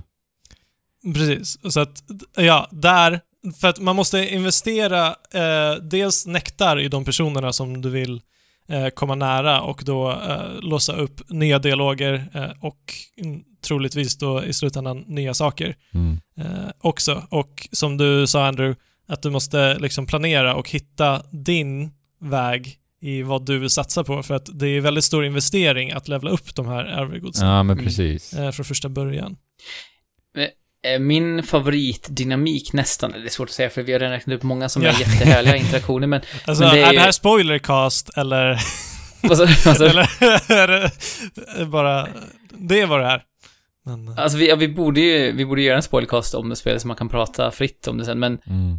Men eh, det är ju mellan eh, Megara, alltså Meg kallad, och Zagreus. Och ja, Just det, det. de Ja. är väl typ så här lite syskon, men också typ ex... Ex-lovers? Alltså det är väldigt oklart, Ja. men det är väl så här, incest är väl inga problem i och för sig i det här heller, för det märker man ju Nej. i spelet också att det är så här, det spelar nästan ingen roll. Och, och det finns ju otroligt mycket redan fan art runt omkring som inte bryr sig om familjeties överhuvudtaget, utan alla ligger med alla hej vilt. Men, Ja, men så är det i mytologin Ja, också, precis. mer eller mindre. Så men Megara är ju då chef för uh, Furies som piskar de dömda i evighet med sina piskor och lite så här SNM-aktiga då. ja. Hennes, hennes syrror är ju betydligt värre än vad hon är, för övrigt. Eh, Ja. Bland annat hennes, Tissefon är hennes äldsta syster, eller vad det nu är, som bara, inte hon kan säga, är murder i olika Ja. konstellationer. så sjukt rolig karaktär också. Ja, Murder? så, Murder! och hur Zagreus uh, uh, svarar på det också. Ja, han Ja. kommenterar alltid så här. Mm, mm, precis. Han, eh, han försöker typ så här, ha en konversation med en, med en person som bara kan säga murder. Men i alla fall, när man, när man pratar med Meg mm, så är det ju tydligt att hon är väldigt bitter och det är hennes personlighet också i och med att hon är en, en Fury. Men de, är- de är ju ett par, man, hon säger vid något tillfälle att hon har hämtat de sista grejerna från hans rum och sådär. Eh, och när man ger henne nektar så försöker de ju hålla masken väldigt hårt Mm. att så här, "Ah, ja okej, jag tar den, dra då, typ. Eh, fast det är små, små sprickor i den här fasaden he- hela tiden. Ja, Eh, som är väldigt gulliga. eh, och sagt, det är så bra gjort. Det är så bra skrivet. ja, och det är en relation skådespelat. liksom i spelet. Mm. Men det finns alltså nästan hundratals, eller i alla fall ett femtiotal sådana här typer Ja. av interaktioner. Ehm, Ja, det är, fan, det är fantastiskt bra kvalitet på, på alla de här aspekterna som vi räknar upp. Har ni börjat dekorera The House of Hades någonting? Nej, Så alltså smått. jag har velat spara mina, mina kristaller till att låsa upp det som faktiskt har en funktion först. Samma för mig. jag har eh, rensat upp eh, i loungen för Cerberus, man får höra det att Cerberus har ju gått Mm. bananas när man har dragit iväg, för han, det är ens, ens eh, hund då, den här tre, trehövdade mardrömshunden som visar sig vara väldigt gullig hela tiden i, i ens Ja. interaktioner med eh, som har gått bananas in i loungen och det är massa hund, så här stora hår och rivet på väggen och sånt. Det har jag städat upp. För jag tyckte Dulsa får så oerhört mycket arbete med det hela tiden, annars så jag städade upp där. Eh, Jo, det har jag gjort också. Uh, det är mest basic. ja, Men precis. Men eh, vad har ni annars satsat på? Så här långt. Vad har ni satsat i valuta på? Alltså jag vet inte, jag har ju typ inte eh, varit så försiktig med det som jag insåg, som, som jag inser nu kanske att man borde vara och liksom välja sin eh, väg. För att nu, just nu verkar det som att de resurser som du samlar på dig och använder för att uppgradera saker och ting är väldigt, väldigt dyrbara. Eh, och svårtillgängliga. Och det är de resurserna du får när du klarar bossarna, ska sägas. Med ett vapen för första gången. Mm. Mm. Det kom- så... Det kommer tweaks på det också sen. Ja, det kommer ju troligen tweaks på det, det också. Men jag menar, eh, det är ju också en till aspekt med vapnen att du kan välja olika aspects på dem och uppgradera de här olika aspekterna. Mm, du får Som gör att de blir blod. helt andra vapen i mm. princip. Eller inte helt andra vapen, men Typ. eh, stora variationer på samma vapen. Det finns sex Eh. stycken vapen och som du säger, i princip nästan 12 eller fler för att det blir väldigt... Vissa av aspekterna gör de ju verkligen till användas på ett annat sätt. Ja, men framförallt med Ja, hammaren. Man har inte, man har inte test, eller jag har inte kunnat testa för att det här Titans Blood har varit så svårtillgängligt så att jag har Mm. bara eh, testat ett par olika aspekter. Mm. Eh, så, att, så att jag vet inte hur Endgame kommer att se ut. Ja, eller vad vi ska Men kalla det. det finns ju en The, sa du? the game kanske vi ska kalla det. The game. Ja, Ja, För, det, för det är lite som Near. Att det inte är så här, ja men det är tre Nej, varv. exakt. Utan det är typ, alltså så här. Mm. Det är så spelet ska spelas. Man ska inte spela det en gång, klara det och sen lägga ner det, för då har man bara sett en Nej. bråkdel av spelet. Nej, men det känns lite Monster Hunter-aktigt i Exakt. den, eh, Och- liksom där med vapnen och så. Även med vapnen, ja förberedelsen precis. då. Alltså, just att man plockar upp ett vapen, fattar grejer med det. Ja, ah, det här var ju skitbra. Testa Mm. ett nytt vapen, fattar grejer. Ja, ah, det här var ju skitbra. Alltså, det, och det är väl också en, ett, en, en effekt av att ha haft en två år lång eh, early access-period. Men alla vapen känns... Ja, men alla är roliga ju. Varenda Mm. vapen. Vilket är Galet. ditt favoritvapen då? Alltså jag vet inte. Det är svårt. Ja. Jag, Jag gillar pilbågen. Ja, Eh, pilbågen och jag gillar älskar skölden och jag gillar spjutet. Jag gillar inte svärdet så mycket eh, än så länge. Nej, jag, jag spöade ju första vändan med svärdet. Men det var ju väldigt mycket på grund av min bild jag hade då. Det var ju helt galet. Ja. Eh, jag eh, spammade typ special på sista bossen. Och eh, jag kunde göra det för att när jag utförde en special så blev jag sturdy i några sekunder. Det vill säga, jag tog ingen skada. Jag Och, det är ingen skada, för... Eller grund- li- 30% Grundutbudet är skada. 30% mindre skada. När man just det, ja. Jag uppgraderade den, tror jag. Mm. Om jag inte minns fel. Eh, jag tog väldigt lite skada. Eh, så jag spammade bara special. Och sen så hade jag också en välsignelse som gjorde att, att jag gjorde två specials i en special. och så var det någon annan också som jag nu tappade bort helt och hållet. Men Ja. ja, kontentan är att jag bara spammade special på sista bossen och klarade av spelet. Ja, så Eller gjorde jag nyss nu också, men jag hade lite annan, lite en annan uppsättning. Men grejen är att det- det, är ju, jag gillar det ju. För att jag har ju ändå tagit mig dit och, och jag har lyckats hitta den här kombinationen med alla dessa eh, välsignelser. Och bara det är ju en rolig process i sig. Ja. Alltså, jag vill bara säga att eh, de, de senaste rummen här jag spelade i, i Hades, eh, med min bild och den setupen eh, som, som jag fick, Mm.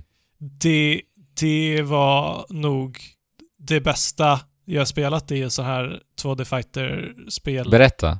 eh, någonsin. Jag vill höra vad du hade. Vill du höra min bild? Ja. Mm. Eh, och vad som, alltså, först så vill jag bara så här, när du kommer in i ett rum och du känner att så här, som vi pratade om där i slutet, så här, att du väljer att gå i rum för att du risk and re- reward för att du vill liksom Mm. ök, potentiellt öka dina chanser.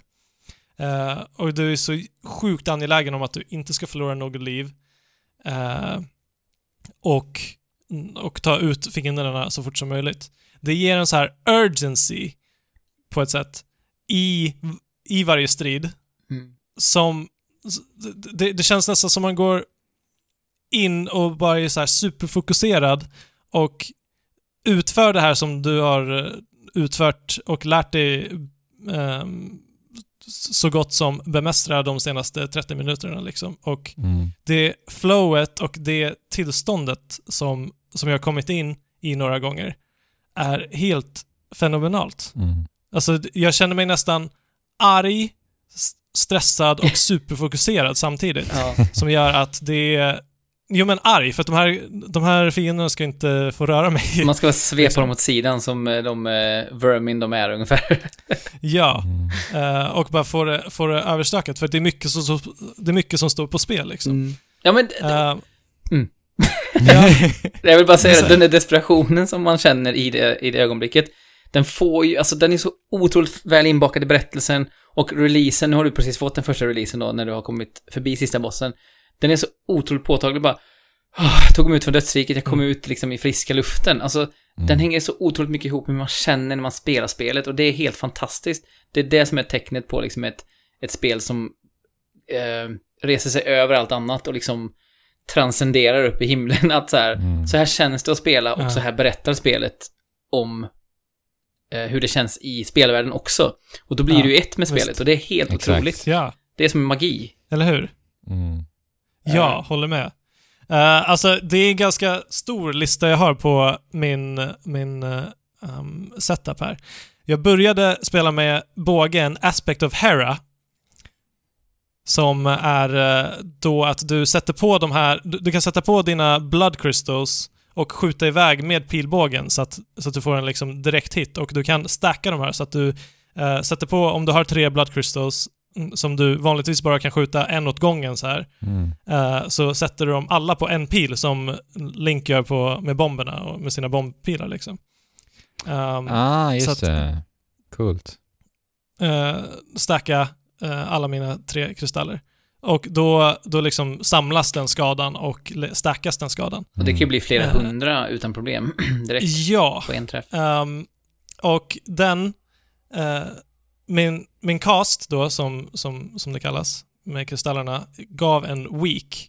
eh, som till slut gjorde, som, som till slut gjorde att de gjorde tusen skada samtidigt. Men grejen är, det, det här blev så sjukt tillfredsställande att utföra, för att du måste trycka på A eh, för alla gånger som du, du vill, för, för, varje kristall som du vill sätta på din pil. Liksom. Ja, så du trycker på A Eh, för att sätta på den på... Du trycker på A för att sätta på dem och så Aha, kommer ett coolt. litet ljud så här. Och inte bara det, på den så hade jag en boon att när du använder, när du sätter på den så, så ehm, blir det en så här blizzard eh, Runt omkring. Vad heter det? Eh, u- runt omkring så att fienderna blir shield och de tar skada. Mm. Eh, så att, och sen så ska du, sen så måste, sen måste du, för att, på, på grund av hur det här funkar, så måste du också ehm, sikta rätt med pilbågen. Eller inte sikta, men eh, vad heter det? Uh, se till att den inte kommer för långt eller för kort, pilen. Mm. Du måste avväga avståndet som, Mhm. som du skjuter för att den ska hamna precis framför eh, fienden som gör att de här crystals, eh, eh, den här casten bara sprängs ut och liksom gör tusen skada Okej. och Det blir som en bomb typ eller? sätter på weak på fienden. Sen har jag eh, också att jag krittar eh, jag krittar 20% av Oj. gångerna med min special och min special har jag så att jag har 4 plus eh, 4 plus pilar för att pilbågen special är att den skjuter ut en eh, halvcirkel med pilar i princip. Så att när du står nära så liksom pepprar du den med 10 pilar och då krittar du någon gång varje gång. Mm. Eh, och, den, eh, och den har större krit... Nej, den gör mer skada när, när, när fienderna är uh, weaked och så vidare. Alltså, det här fortsätter. Det här fortsätter. Det bara och, stackar jag menar, stackar. det, det, det stackar så mycket mer och alltså mer kritskada och så vidare. Eh, så det är helt sjukt. Ja. Helt sjukt hur det här pusslet bara, bara gjorde att spelet blev en sån fröjd att spela. För att det, liksom, eh, rotationen var så tillfredsställande eh, att utföra. Och även att den var så liksom, kraftfull. Eh, och det här i kombination med allting som, som jag har sagt. Liksom. Mm. Eh, och- och det här desperationen som, som du nämnde Jesper, det, det är magi. Och det skiljer ju sig också så mycket från det som du berättar nu. Jag har aldrig haft en sån bild. Nej. Jag har spelat 40, Inte 40 jag rounds. Jag har inte haft en sån, inte närheten av en sån bild. Nej. Eh, det är så otroligt coolt. Du uh, berättade ju då Andrew om den här bilden förut, som du berättade för oss i chatten häromdagen. Och då blev jag inspirerad av att köra en uh, sån här med de här uh, handskarna. Malfon. Som är två stycken typ bo, uh, järnhandskar. Ja. Som Demeter för, för övrigt, den här gudinnan eh, av eh, eh, snö och is. Tydligen. Se- seasons. det, va? Ja, hon hade tydligen dem nej, som sitt vapen Seasons. en gång i tiden när hon slogs mot titanerna, vilket är ganska badass i sig. Mm. Eh, men då Mhm. byggde jag en bild som just eh, byggde på att jag tog lite skada och jag hade väldigt hög rörlighet. Eh, men det jag ska säga Fabian var att eh, just den här känslan som du sa nu med att, man, att det nästan är OP. Alltså det är ju mitt mål när jag spelar sådana här spel. Att komma, det var samma sak med Dead Cells, att komma till ett läge där det känns som Mm. att jag har brutit spelet. Och att spelet låter mig göra det, det är verkligen ett tecken på ett utmärkt roguelite-spel. eh, Eller ett utmärkt actionspel överlag. Att det känns Ja. rätt att jag får bryta spelet och att det är den, ja, det är den känslan jag hela tiden jagar. Det är som så här nästa drogfix för mig, att nästa gång jag uppnår att jag Mm. one-shottar starka fiender i Precis. Elysium i princip nästan, genom att jag har byggt min bild så himla bra och haft lite tur på vägen. Eh, det, Men det är man känner ju sig så här målet för mig. smart. Ja, Jo men det är ju verkligen eh, utmärkande för ett bra roguelike eh, och Ja. roguelite-spel. Eh, men jag menar, du, du blir sjukt stark, men det är fortfarande balanserat så, så att det inte är utan risk. Ja. Det, det som du, alltså jag klarade med det här och tre överlevnadsgånger så klarade jag bossen med fy- 14 HP i slutändan. Mm. Alltså, jag har, jag har alltså bokstavligt talat suttit och pekat finger åt slutbossen när jag har besegrat den. Eh, och så här in your face, alltså typ vrålat mot tvn nästan Ja. in your face. För man blir så sjukt frustrerad, vi behöver inte säga så mycket mer om hela Nej. den dynamiken, men jag, jag, den här bossen frambringar verkligen det hos mig att så här, "Åh, det fick du! Liksom. Ja. Det känns så oerhört Mm. tillfredsställande att Ja. nita dit den. Och det Eh, gjorde inte bättre att Andrew ringde två gånger under min sista fight, min open fight. Alltså Men- jag, jag måste men, också bara berätta om en helt bananas bild jag hade. Det var eh, med framförallt Aris eh, som hjälpte mig med lite välsignelser. Eh, han bidrar ju med till exempel med casten då, den här Blood Crystal som vi nämner.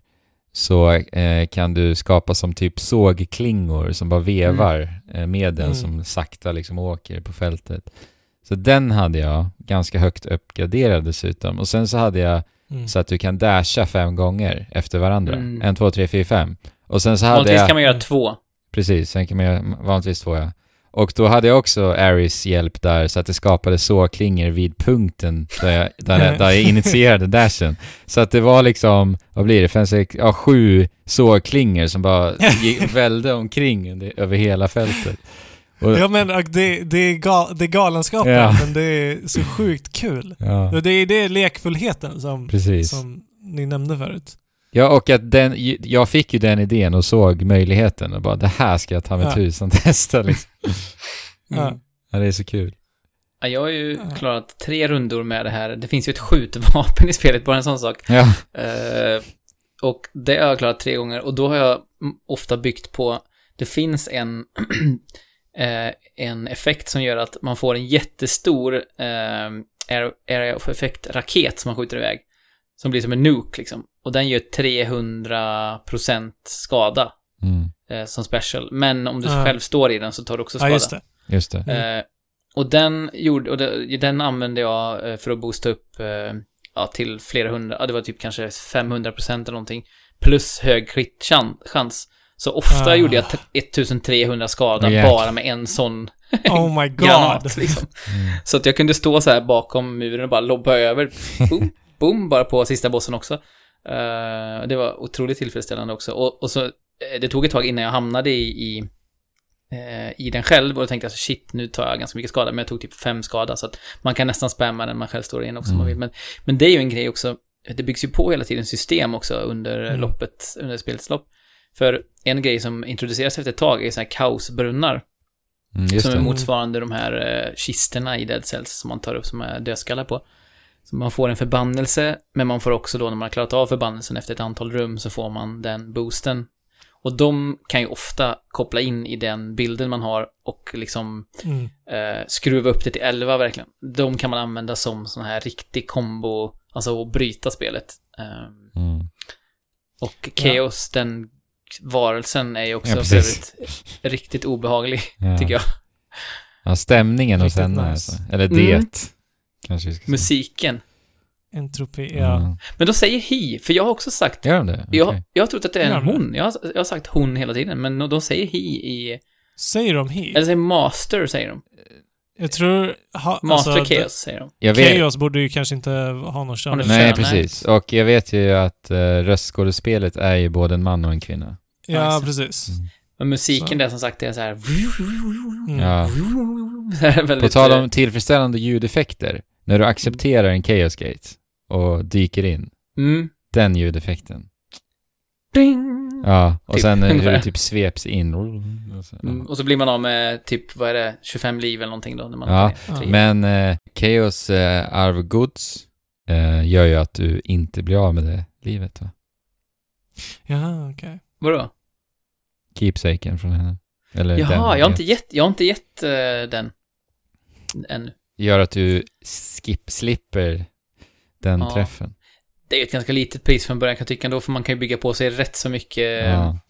Men så sen, mycket var- sen ger den också den Men- här, som alla andra gudar har också, att eh, du har större chans att få en, en eh, sällsynt välsignelse. Mm. Mm. Ja, men grejen med dem är ju att ibland så, ibland så kan du inte riskera det. Ibland känner du inte så här, nej, jag kan inte, jag kan inte riskera det här livet liksom. Mm. Så är det ju. Eh, Det är hela tiden avvägningar. Alltså- Vi, Men alltså, jag fattar inte hur de har liksom, de, de har gjort ett robust grundsystem som kombinerar på alla, för att de har inte designat, alltså de, det är ju, det finns ju otaliga kombinationer som de aldrig ens har drömt om liksom. Ja. som utvecklare. Eh, och hur, hur de har fått ihop det här och att alla de här kombinationerna funkar som så här bra. Som Mm. så här bra synergier. Det är, det är galet. ja, Ibland uppstår det ju rundor där det är så här, nej men det här går bara åt, Ja. åt skogen liksom. mm. Eh, det kanske är två, tre rundor som har inte för mig. Och det, det track recordet, recordet är ju ganska ja, jäkla bra med tanke Plus- på...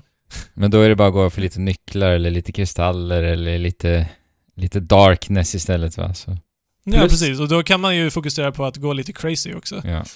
Plus att det spelar ju Eh, ingen roll när du dör, för varje gång du dör så flyttas ju storyn framåt. Så när du Exakt. kommer tillbaka till Österrike så Mm. får du en massa ny story, även, oavsett om du dog efter en minut eller efter 40 Ja. minuter. Exakt. Så att du får Ja, det är alltid... ju aldrig wasted. What a game! Mhm. What a game! Vilken är er favoritgud då, innan vi lämnar detta? Gud eller karaktär? karaktär. Ja, både och då. Både och. Oj. Gud och ja, men karaktär. det blir svårt.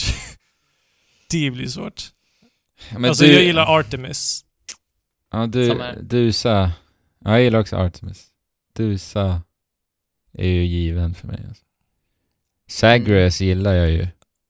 Ja, jag gillar ju säkert. Jag tycker Achilles som är ens mentor, som är ens Precis. egentliga pappa nästan och som dessutom är Mm. den som skriver allting i ens eh, journal. Eh, han berättar alltid utifrån sitt perspektiv. Är ju också Precis vad jag tänkte säga. supersympatisk karaktär. Ja. Eh, som dessutom Och- verkar vara gay? Frågetecken. Jag, Mm. jag vet inte. Kanske inte har kommit hit än, Fabian, men... Nej, jag vet inte. Jag har inte kommit dit. Eh, men också interaktionen mellan Zagreus och honom är också Jag fantastisk. älskar designen på Athena. Mm. Ja, så jäkla bra. Och på tal om bra design så, oj vad heter hon som är Orpheus eh, ex? Eh, Eurydice. Eurydice. Som sjunger. Ja, precis. Eurydice. Athena och Eurydice. Mm. Det är, Eurydice är ju någon slags så här, s- eh, Motown, soulful kvinna liksom. Eh, Mm. Afro-amerikan. Ja, fast, Eh, fast broccoli istället. Ja, och, och hon, eh, hon är ju också då den karaktär som får Ashley Barretts röst i det här spelet. Hon, Ashley Barrett är ju den som var huvudkaraktär i Transistor och som sjöng, eh, Mm. ja, som alltid sjunger Ah, lyricsen i Darren. Corbs låtar. Och hon är ju den som, som sjunger den här Good Riddance-låten då. Eh, men hon, jag frågade henne på Twitter faktiskt. Vi interagerade både jag och Darren Korb och eh, hon, eh, Ashley Barrett. Eh, Mhm. De var jättemysiga. Frågade henne om eh, det var hon som gjorde rösten också till karaktären. Men det var det inte, utan hon hänvisade vidare till en annan röstskådis som eh, visade sig vara afroamerikan också, så att de hade väl Mm. tänkt på det. Mm. Ja, alltså de har ju verkligen, de har ju verkligen inkluderingen nailad. Ja. Ja. Eh, Alltså, och, och integrerad också. Eh, på ett sätt som är mm, liksom så, bara, bara så fint och så bra. Var det att Artemis är modernt. genderbendad till exempel? Att en kvinnlig eh, karaktär, eh, där Artemis brukar väl vara en manlig jägare? Ingen aning. Jag tror att det är så. Mycket möjligt. Men, och, alltså, jag tycker ju kanske minst om Dionysus som karaktär. Och det är meningen att man ska tycka att han är dryg. Ja, Mm. Eh, men hans boons är nästan mina favoriter. För jag tycker så mycket Mm. om eh, både det här, eh, man kan skicka ut ett festmoln också. Ja. Eh, som folk blir stannade i hela tiden. Var, var, var det 0,50 sekund så blir de stannade. Ja. Det är Eh, typ som och den, dis discokulan i, i Ratchet and Clank. Och den kan man också kombinera med typ att göra mer skada när folk står i den och ta mindre skada när man själv står i den. Så man kan ju vara i den här festen hela tiden och bara liksom Mm. Mm. eh, utnyttja den till sina... Men tråkigast design, det är väl ändå Zeus va? Eller Zeus. Väntad design kanske i alla fall. Ja men exakt, det är det jag menar. Det är Ja. ju liksom, det är vad vi alltid har sett, om Ja. man säger så. ja. Jag måste säga att Det... Ja, Ja. Afrodites eh, boons har jag, tycker jag är sämst ofta. Mm, jag tycker deras, samma den weakness-grejen, att de gör mindre skada, tycker jag inte är så himla relevant alltid, utan jag tycker att hon kunde ha haft mer, eh, att man fick tillbaka liv och sådär, tycker jag. Mm. Eh, hon har någon sån, men... Eh, Ja, alltså hon, hon kan ju få så här charm-effekter som Mm. är sjuka. Den är bra. Eh, men hennes design är kul för att hon är ju då såklart sexualiserad, eller hon är, Mm. hon är ju så här, vad säger man, fruktbarhetens, fruktbarhetens gudinna, vilket hon kommenterar på också. Mm. Men inte på något tröttsamt sätt, men hon är ju då naken liksom, men hon sk- sk- skiljs av sitt hår och lite sådär. Men det är också intressant att de har lyckats göra en karaktär som är eh, sexuell, men inte sex- sexualiserad. Alltså hon känns ju inte liksom som en utviknings... Alltså hon känns ju inte som en så här... Eh, Nej, och det spelar ju in i karaktären som hon har också. Eh, eller jag menar personligheten som Mm. hon har också. Hon är lite flörtsam liksom, men inte osmakligt så, utan eh, det är någon som kommenterar någon gång typ så här att eh, ja, Afrodite kanske är den mest eh, farliga guden som finns liksom, för Mm. att eh, hon kan skärma dem, eh, Mm. de, de lätt skärmade liksom. Eh, men, ja. Ja, exceptionellt spel alltså. Mm. Ja, alltså. Vi har inte ens gått in på alla mekaniker. Vi har ju Karl också. Uh, Karls Mm. från alla olika gudar. Som är typ som en eh, rage mode eller superattack som byggs upp under varje strid. Mm. Som man kan kalla på gudarnas krafter direkt. Det är som ett fightingspel, man kan välja att antingen använda en del av mätaren eller så kan man bygga upp alla fyra delar av mätaren och då får man en mycket större effekt. Och dessutom en liten så här kort, snabb filmsekvens där guden kommer fram och skriker något häftigt. Mm. Eh, jag, jag har haft builds där den fylls på automatiskt. Eh, Ah, okej. Och den fylls ju också på när man gör skada. Så jag har kunnat buffa upp den svinsnabbt och Ah. använda liksom max-effekten hela tiden. Plus att jag hade nu senast eh, jag använde den så hade jag 25% bara av mätaren, men den fylls upp automatiskt. Så jag kunde ju spamma den, alltså typ en gång var fjärde, femte sekund så kunde jag aktivera min call. Eh, Oj. och det är ju så här, som sagt, det finns så otroligt många sätt att Ja. spela det här spelet på. Eh, och det finns många olika vapen och aspekter och builds och jag förstår inte, jag har spelat 40 timmar nu, som sagt, i någon slags töcken. Och jag vet inte, det, det är ett spel som kostar 200 kronor.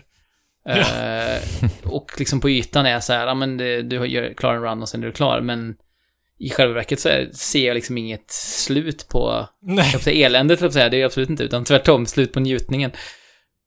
Mm.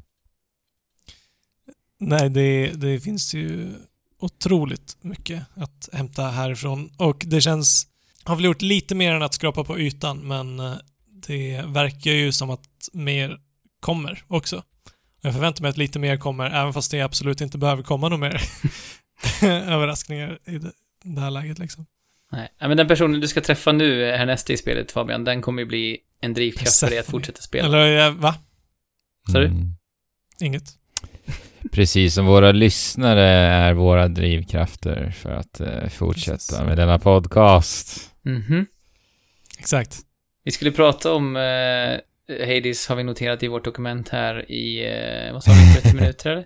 20 till 30 minuter står 20 det. till Ja, 30. det stämmer väl, det blev ungefär en timme och 20 minuter. Ja. Ja, ja vi, får se, vi får se hur mycket, hur intressant det är att hänga med i detta snack om du inte har spelat Mm. Hades. Det är nog definitivt kul att lyssna om man har spelat Hades. Mm. Och som sagt, känner man att man eh, inte har fått nog riktigt så kan man ju börja om igen. Och bara lyssna om igen. Precis. Precis. Kanske blir- vi säger någonting lite annorlunda. det blir i- bättre för varje gång. lite sådana parallella spår som man kan Mm. hitta. Ja. Eller du kommer ju definitivt märka nya saker åtminstone. Mm. Så med det sagt då, eh, så har vi lite avslutande ord för detta Hades-snack. Och med det så lämnar jag över då till Fabian. De som inte har spelat det här spelet eh, och har kommit så här långt i podcasten, Jesper. Mm. Skulle du vilja be dem att dra åt helvete? Lyssna noga nu för det är tveklöst enda gången ni kommer få höra mig säga det här och det är ja. Ni kan dra åt varenda lyssnare som inte har spelat Hades. Dra åt...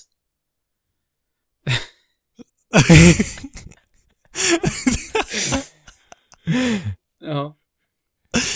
Dra åt... Ja, men dra åt helvete med allihop.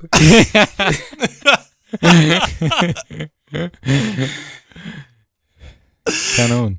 Bra, bra råd. Bra råd, Jesper. Jag tycker också att alla som inte har lyssnat, eller som inte har spelat Hades ska dra åt helvete. Mm. Och ni som har gjort Det det, kan ju göra det igen och igen och igen.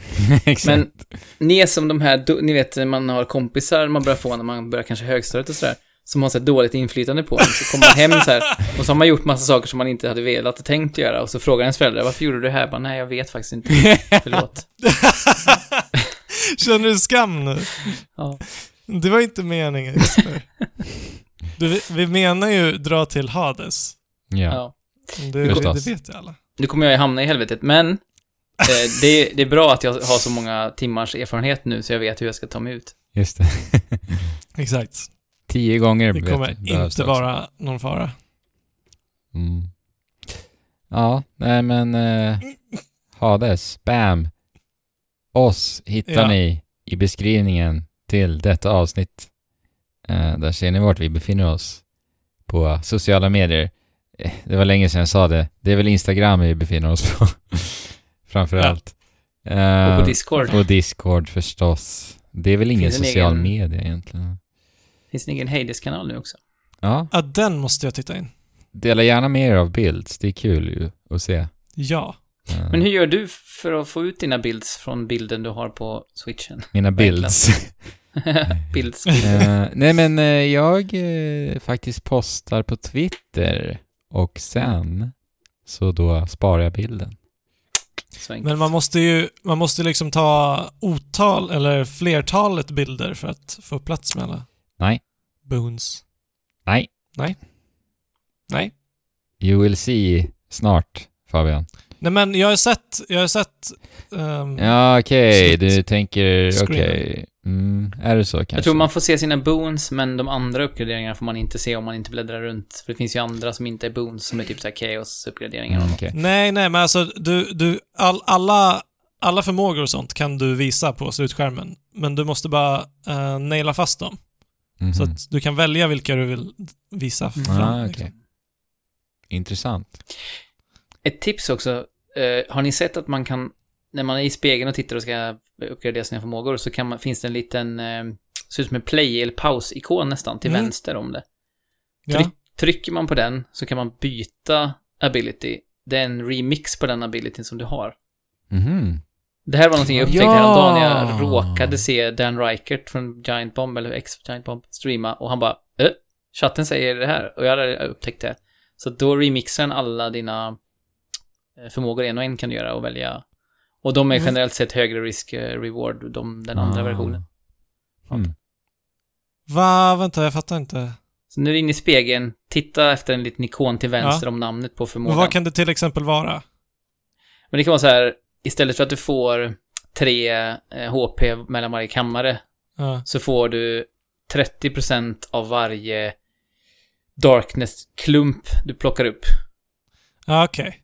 I liv. Så där är också en risk-reward tweak. Mm. Ja, ofta mot risk. Ah, risk ja. eh, ja, precis. Ökad risk-reward helt enkelt. Ännu en dimension Mm. att hoppa in i. Dyka Nu, i nu, får vi, nu får vi sluta prata om Hades, annars kommer Ja. vi hamna i en, en I ny, helvete. Vända, Helvetes en ny vända. precis, Ja. ny, ny runda. Och då blir det 40 minuter till, det vet vi. Exakt. Det vet vi. Eh, vi Så lär ju, vi lär ju i alla fall återbesöka det här i nästa avsnitt. För att det är väl ingen av oss som kommer sluta spela det här. Nej, det Eh, verkar inte så. det kan du ge dig på. Tusingen på. Tusingen. Eh, ja, men trevligt. Då så med det sagt, spela på allihopa och chip! Shula